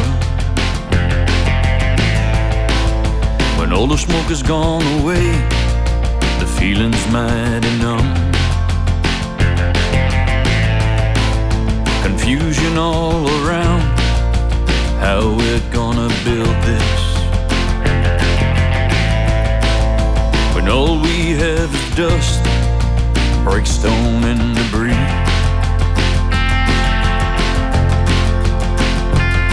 I can't believe this, and if it's real, if I don't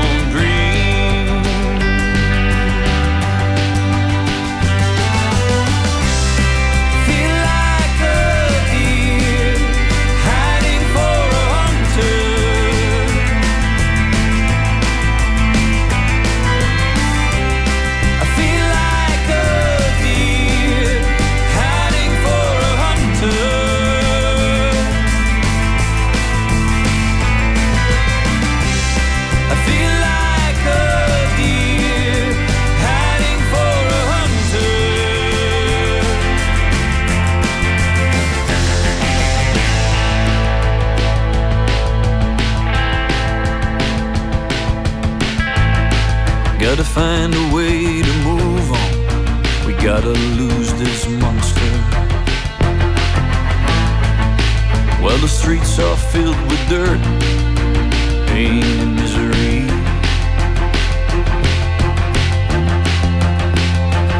I can't believe this, and if it's real,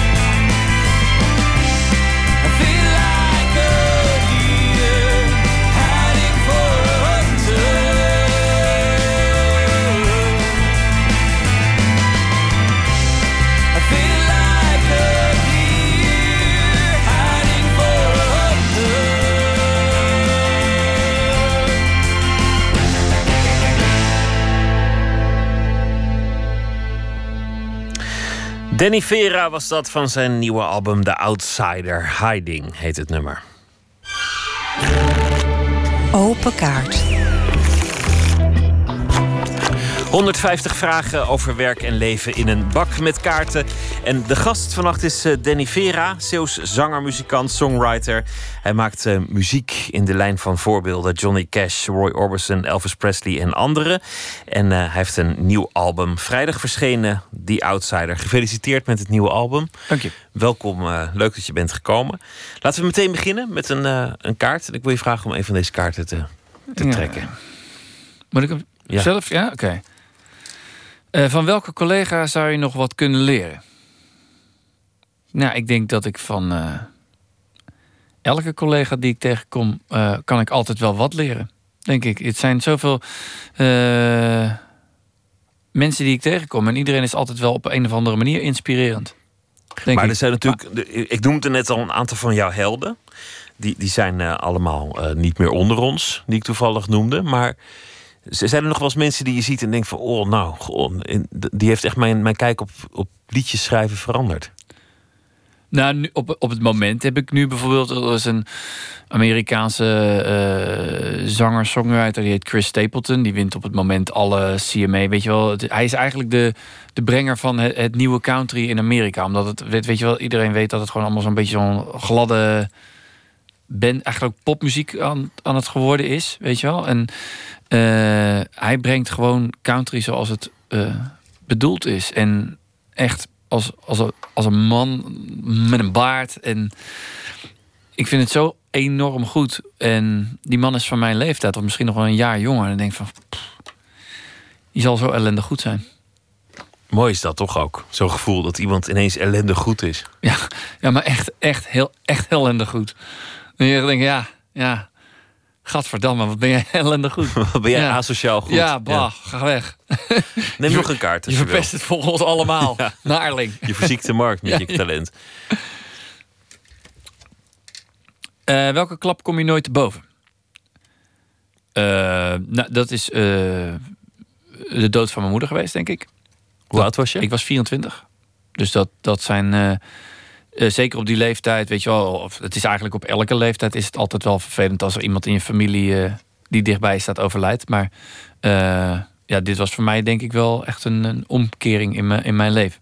Ik ben enig kind. Dus dan is dat op dat moment heel lastig. Ging dat plotseling of was het een aangekondigde dood? Nee, dat, het zat kanker. Dus dat, Dat was kanker, ongeveer een jaar. Nog niet eens ergens. Wat, wat heeft dat veranderd? Waarom was dat zo'n Nou, keerpunt? Het, het, het is voor mij, vo- voornamelijk mijzelf, heeft het gewoon heel erg veranderd. Eh, omdat je gewoon eh, sommige dingen niet meer belangrijk vindt, sommige dingen heel erg belangrijk vindt. Ehm, je doorzettingsvermogen bijvoorbeeld in de muziek, bijvoorbeeld, of in je werk. Maar bij mij is. Eh, het was toen nog niet mijn echte werk, want ik kon er nog niet echt heel veel mee verdienen. Eh, maar dat, dat, dat geeft wel een, een, een ding van waar je denkt van ja. eh, zij was er voor mij in de muziek. En ik denk van ja, weet je, ik ga het ook waarmaken ook. Dus ik ben gewoon, ja, eh, een kleine 15 jaar lang doorgegaan met een plaat voor mijn kop. Van niemand vindt de muziek leuk of wat ik doe of iets dergelijks. Of in ieder geval, die, dat, die indruk kreeg ik altijd, weet je wel, een beetje zo eh verongelijkte muzikant. Wat heel veel muzikanten ook wel hebben, denk ik. Van oh, niemand waardeert wat ik doe. Ehm, maar eh, ja, dat, dat, ik, ja, weet je wel, dan krijg je daar een soort motivatie uit. Klinkt bijna alsof je het ook voelde als een verplichting aan haar. Omdat zij wel zag waar je muziek over Ja, ging. misschien was dat ook wel zo. Denk het wel. Het is altijd prettig als iemand je steunt. Ik heb nu een hele mooie vrouw die dat doet. En anderen. Want, want inmiddels zijn er meer mensen die, die wel degelijk zien waar het over gaat. Ja, dat is wel zo. Maar als je dit, dit werk doet, dan is dat, weet je wel, je moet zelf heel erg ergens in geloven. En het is ook heel fijn als je iemand bij je hebt die dat ook ziet. En ook begrijpt waarom je vaak weg bent. Of, of hard aan het werk bent. Of met je hoofd er Nou, niet bij bent. Of... Ja, dat. Met je hoofd er niet bij. Voor de rest doen we alles eh, eh, samen. Want ze- zij doet mijn tourmanagement en ook het andere management. Dus wij, wij, het is, we hebben eigenlijk... Ja, het is nu ook een, zeg maar, een soort bedrijfje geworden. Het is heel gek eigenlijk. Want je gaat muziek maken omdat het muziek is. Weet je wel? Dat je nooit in een bedrijf hoeft te gaan werken. En eigenlijk ook, ja... Beetje on, weet je, ik ga gewoon muziek maken. En nu hebben we een, een ja, we hebben ook een, een webwinkel, zeg maar. Gewoon om, omdat ik het prettig vind dat als mensen een CD van mij willen kopen, dat ze dat ook bij mij kunnen doen. Zonder naar een hele grote winkel te gaan en, en on, on dinges, ja, een beetje zo onpersoonlijk iets. Ik, ik zet op elke gekochte CD, ik zet ook een handtekening. Wel mooi wat je zegt. Want, want de grote rock'n'roll droom is om, om niet in het grote mensenleven te stappen. Om, om vrij Nee. te blijven. Je eraan te onttrekken. En uiteindelijk wordt het ook een beetje een bedrijf of een winkel. Ja, maar zolang het van mezelf blijft en, en zo, zolang ik nog steeds eh, geen mensen rond mij heb die zeggen wat ik moet doen, eh, vind ik het goed te doen. Ik, ik tolereer geen ehm, gezag. Nee, in wat voor vorm dan ook. Neem nog een kaart als je wil. Dat, dat beveel ik je dan min of Ja. meer. Maar Wat zoek je voor eigenschappen in een vriend? Eigenlijk loyaliteit. Voor de rest niks. dat hij aan je kant staat. Ja, denk het wel. Gewoon, eh, eh, ja, weet je wel, een vriend, weet je, ik, ik hoef een vriend niet elke dag te zien. Of zo. Maar als hij er is, als er, eh, zeg maar, stront aan de knikker is, dan is dat wel prettig. Zullen we nog zo'n kaart doen? Ja, lijkt me leuk. Zo- Zo'n hem helder antwoord. Achterin is ook mooi. Oh, dat vind ik wel een mooi. Ben je meer van het talent of van de techniek? Nou, eigenlijk had er, ik denk dat de vraag verkeerd gesteld wordt. Er zou eigenlijk moeten staan: ben je meer van het talent of van het doorzettingsvermogen? Eh, Weet je, ik zit in een voetbalprogramma en het, ik denk dat het beste voorbeeld bij dit is: ik vergelijk heel veel dingen ook met voetbal, omdat het makkelijk is. Weet je wel, iedereen snapt zeg maar voetbal. Dus je hebt zeg maar. eh, ik, ik weet niet hoe, hoe ik, wat, wat, wat, ik, wat ik hiervan vind. Want ik, je hebt bijvoorbeeld Messi en Ronaldo. En het zijn natuurlijk de twee beste voetballers op aarde. Alleen ik denk dat Messi gewoon geboren is met een natuurlijk talent voor voetballen. Dat heeft Ronaldo natuurlijk ook. Alleen Ronaldo heeft daarnaast nog eens de mentaliteit gehad van ik wil de beste worden. En Messi was gewoon de beste, zeg maar. Snap je? Die, ik heb het altijd het idee als ik daarnaar kijk dat Messi gewoon minder moeite heeft hoeven doen om het niveau te halen waar hij nu zit dan een Ronaldo. Een Ronaldo is gewoon, dat is gewoon zo'n intense. Dat is wel grappig wat je zegt. Gozer, om, om, om, om, om te zien dat ik denk van ik wil altijd winnen. Want als je, als je heel getalenteerd bent, dan kan dat je ook lui maken, waardoor het op latere momenten misschien bijna een handicap Nee, wordt. dat, dat zie ik juist heel vaak. De meest, meest getalenteerde muzikanten die zaten altijd op de bank thuis.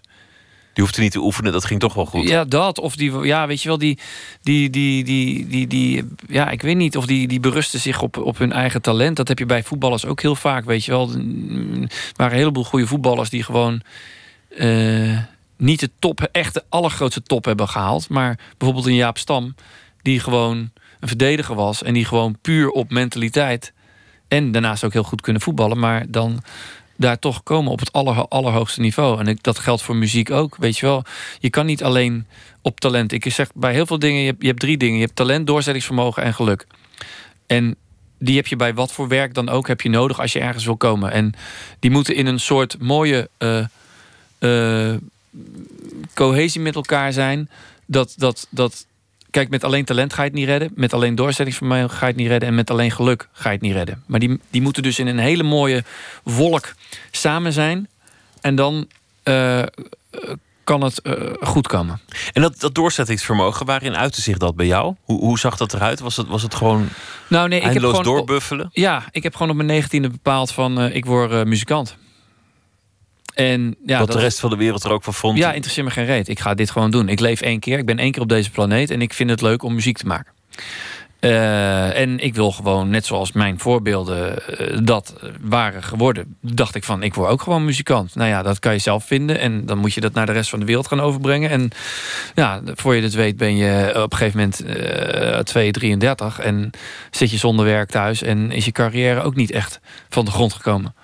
En dan wordt het wel heel moeilijk wat je dan gaat doen. Omdat je dan zeg maar een kleine 14 jaar als een malle bent gegaan. En je hebt alles er, al je geld en al je inzet en alles heb je erin gestopt. En uiteindelijk, ja, waar ben ik nou eigenlijk? Eh, ja, ik heb er geen kut mee bereikt.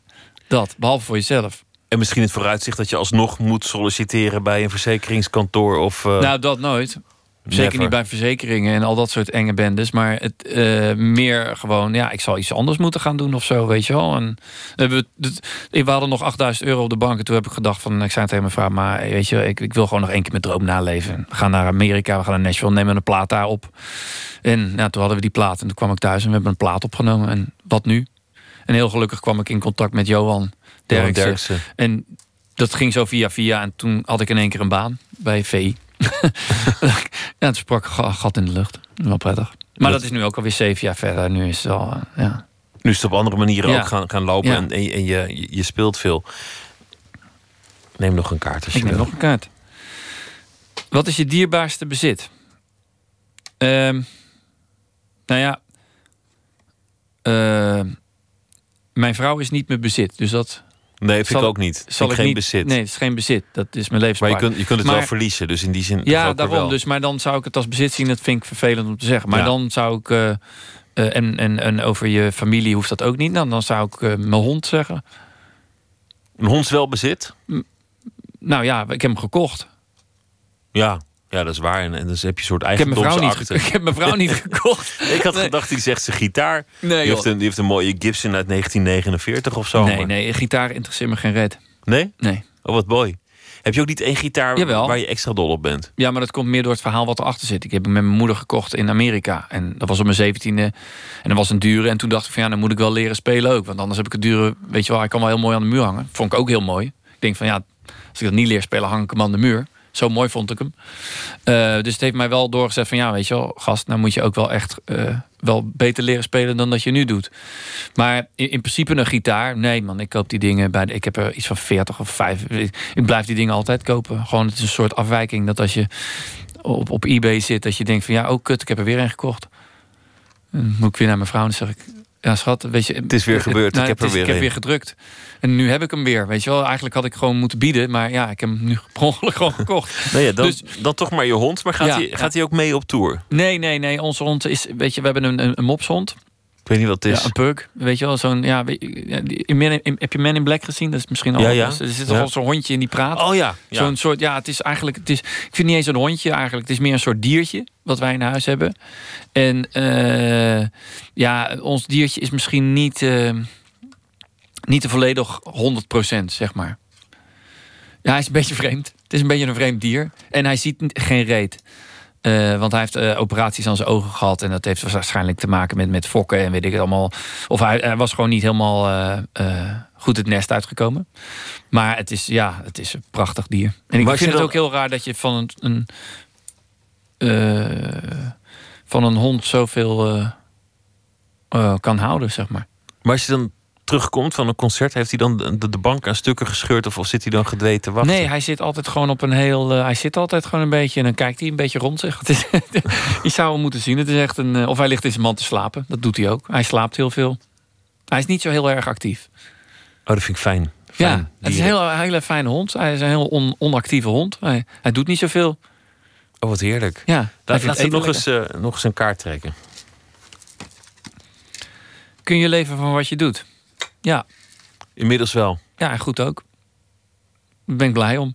Wie had dat gedacht, toch? Want, want, want je zei net dat je op een gegeven moment 32 was en min of meer voor jezelf aanvaard had van nou, het is er allemaal niet van gekomen. Die, die grote droom is gespat.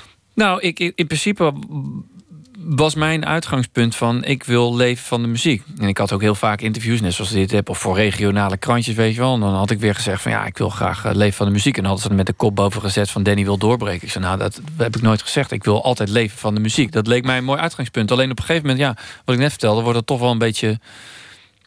Ja, dan kan je wel weer naar Den Bosch rijden voor 250 euro uh, in een kroeg. Maar ik heb ook periodes gehad, dan, dan zat ik met mijn vrouw in de auto... en dan kwamen we Zeeland binnengereden en dan ergens uh, bij Goes sprong mijn lampje aan van, van, de, van de benzine. Van de benzine of de diesel. En dan dacht ik van ja, dan kwamen we geknepen billen, kwamen we Middelburg weer ingerold. Weet je wel, omdat je gewoon ja, geen knaken had om uh, diesel uh, te tanken. Ik had een keer in een gesprek en die meneer die tankte altijd zijn auto af voordat hij wegreed. Ik kon me dat niet voorstellen, dat iemand zijn auto gewoon aftankt. Gewoon dat je altijd als je gaat rijden, volle tank. Volle tank. Dat kon ik me niet voorstellen. Want wij tankten altijd voor 25 euro. En dan konden we altijd wel weer even. En nu tank ik mijn auto altijd vol. Dus ik vind het een enorme luxe dat ik gewoon altijd waar ik naartoe ga met een volle tank benzine rij. Dat is heel gek, maar dat was als je gewoon gereden hebt zonder benzine. Of in ieder geval dat je bijna niet thuis komt. Dat je denkt van ja, zometeen sta ik hier bij Goes, weet je wel, op de A58 in het donker met een lege tank. Dus super storend is dat. En dat hoeft niet meer. Dat is, dat is nee. een, een verworven vrijheid.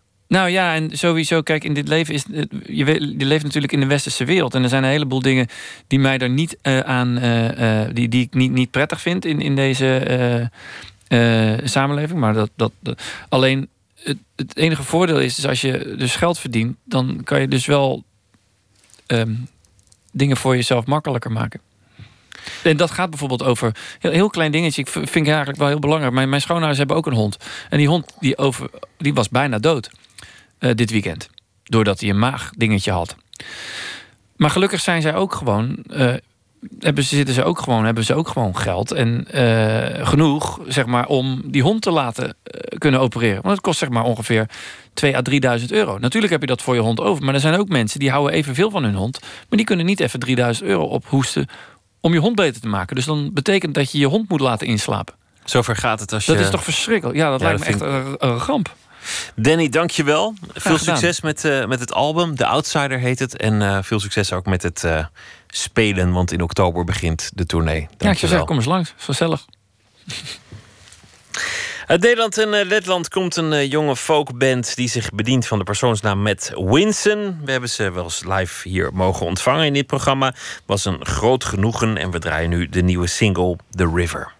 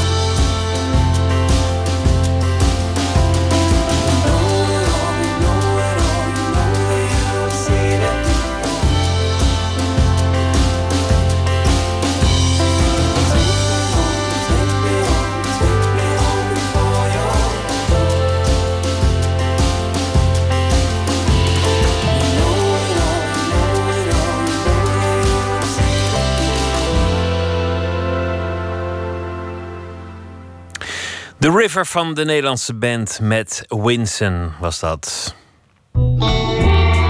Nooit meer slapen. Muziek uit oude B-films weer nieuw leven inblazen. Dat is eh, de missie van het B-Movie Orchestra. Komende zaterdag start de band een tournee langs filmhuizen... waarbij ze ook live filmmuziek zullen spelen bij oude beelden.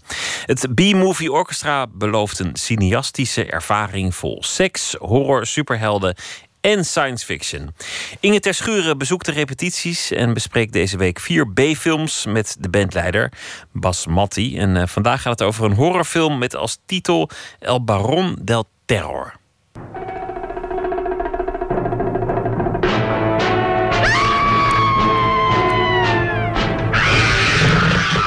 Baron del Terror. Een horrorfilm uit 1957, een Mexicaanse horrorfilm, of 58, nou ja.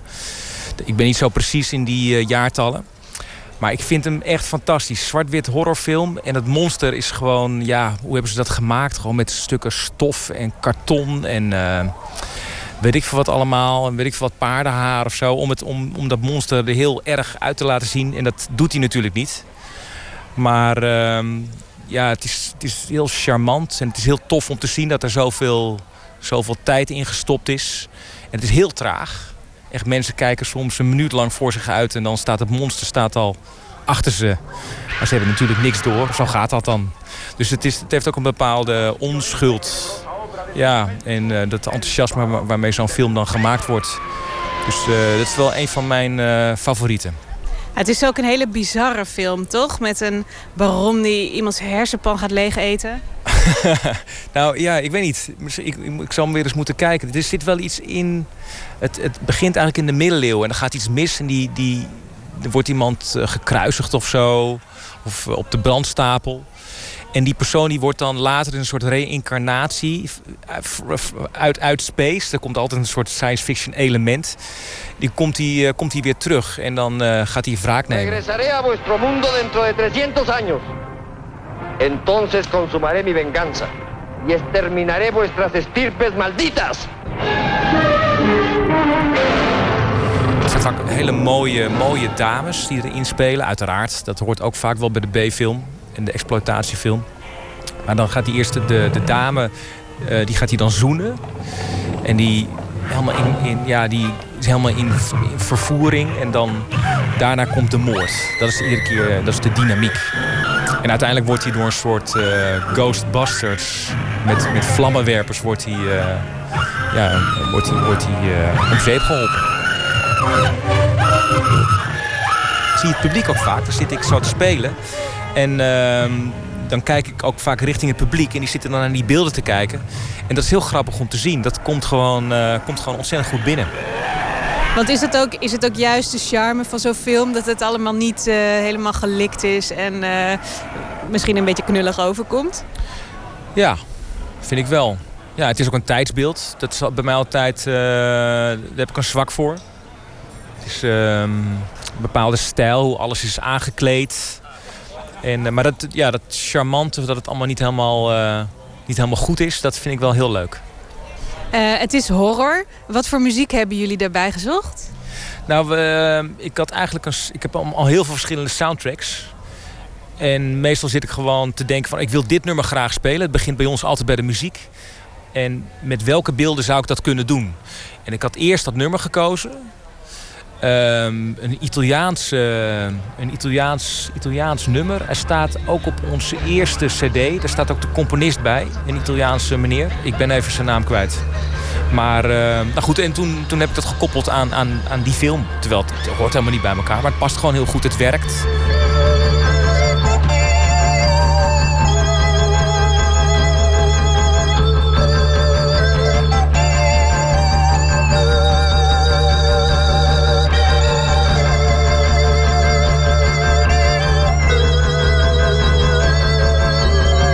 B-Movie Orchestra is ontstaan vanwege de soundtracks die ik op het spoor kwam.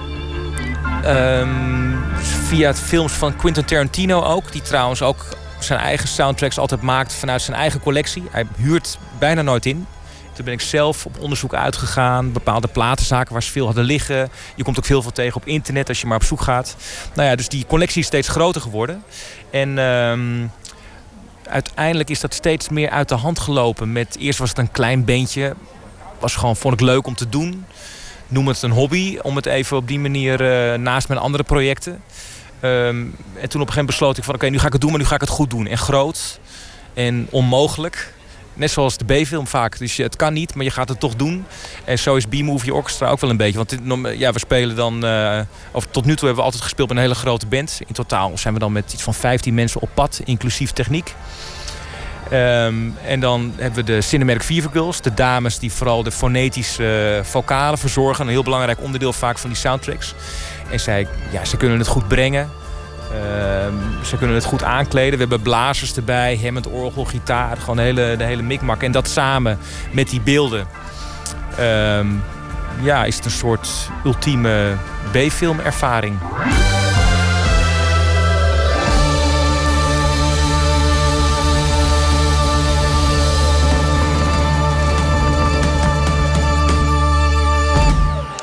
De filmhuistournee van het B-Movie Orchestra begint aanstaande zaterdag in Haarlem. We gaan luisteren naar een eh, Amerikaanse freak folk zanger, de Ben Hart. 23 september een nieuw album Ape in Pink Marble. En we draaien alvast Saturday Night.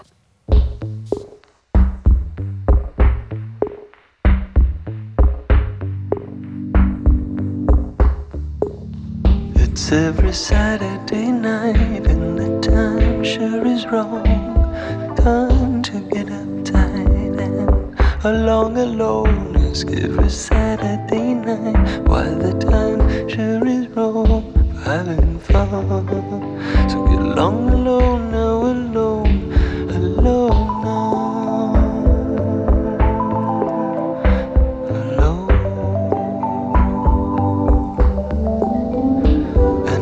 voice comes disembodied, nothing there, but you can hear it. You know how to numb the wound, but you don't know how to heal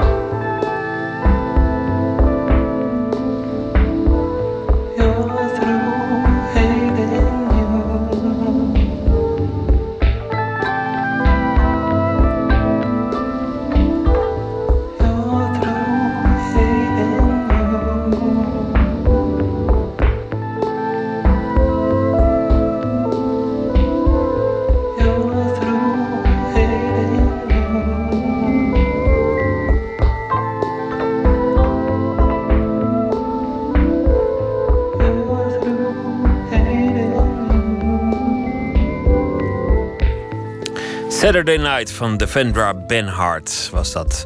We eindigen met poëzie van F. Starik. Hij eh, debuteerde in 1987 met de bundel Nepvuur. Hij heeft eh, vele dichtbundels gemaakt. Deze week zal hij elke nacht een gedicht voordragen en eh, toelichten. En de eerste is Dienstbericht.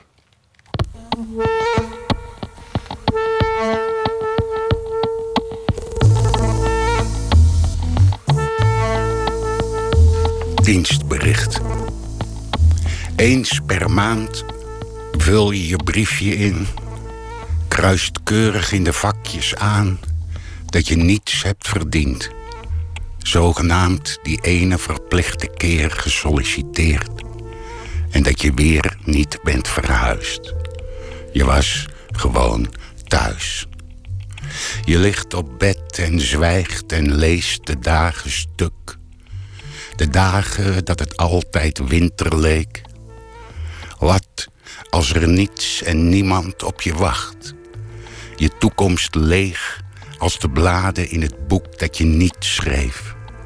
Nog niet misschien. Je winterbleke vacht. De grauwe dekens waaronder jij toch weet. Er komt een dag.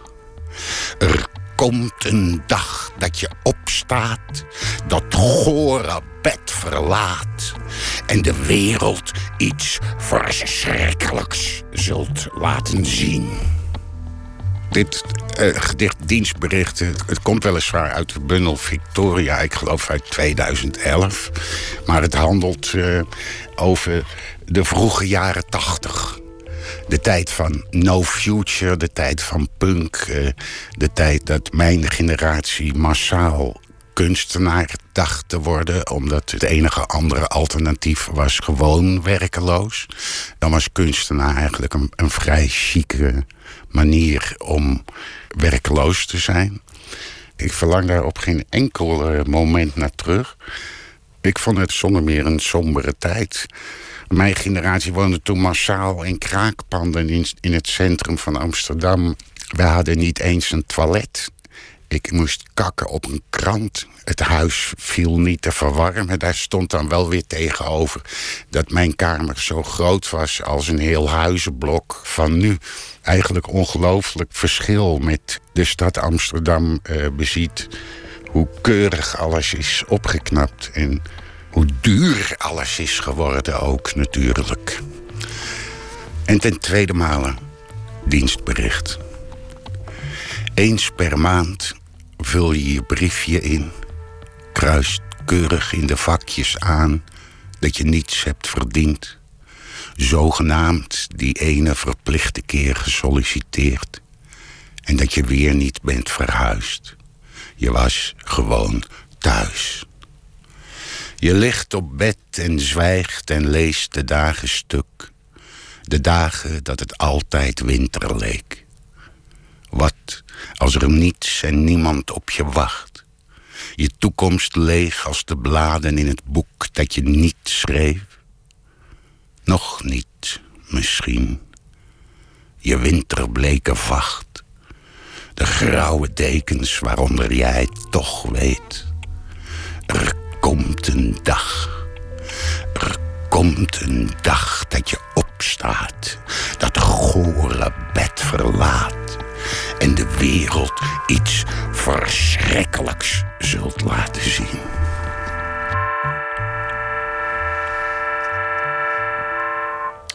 F. Starik was dat met het gedicht Dienstbericht. Morgen zal hij weer een gedicht voordragen. Morgen in Nooit meer slapen singer-songwriter Michael de Jong komt op bezoek.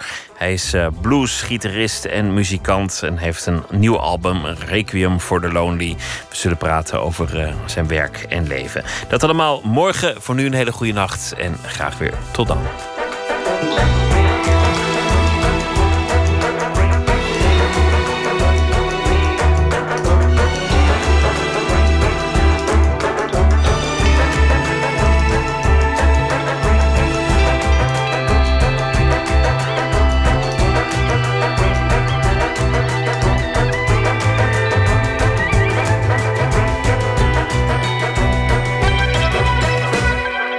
Radio 1. Het nieuws van alle kanten.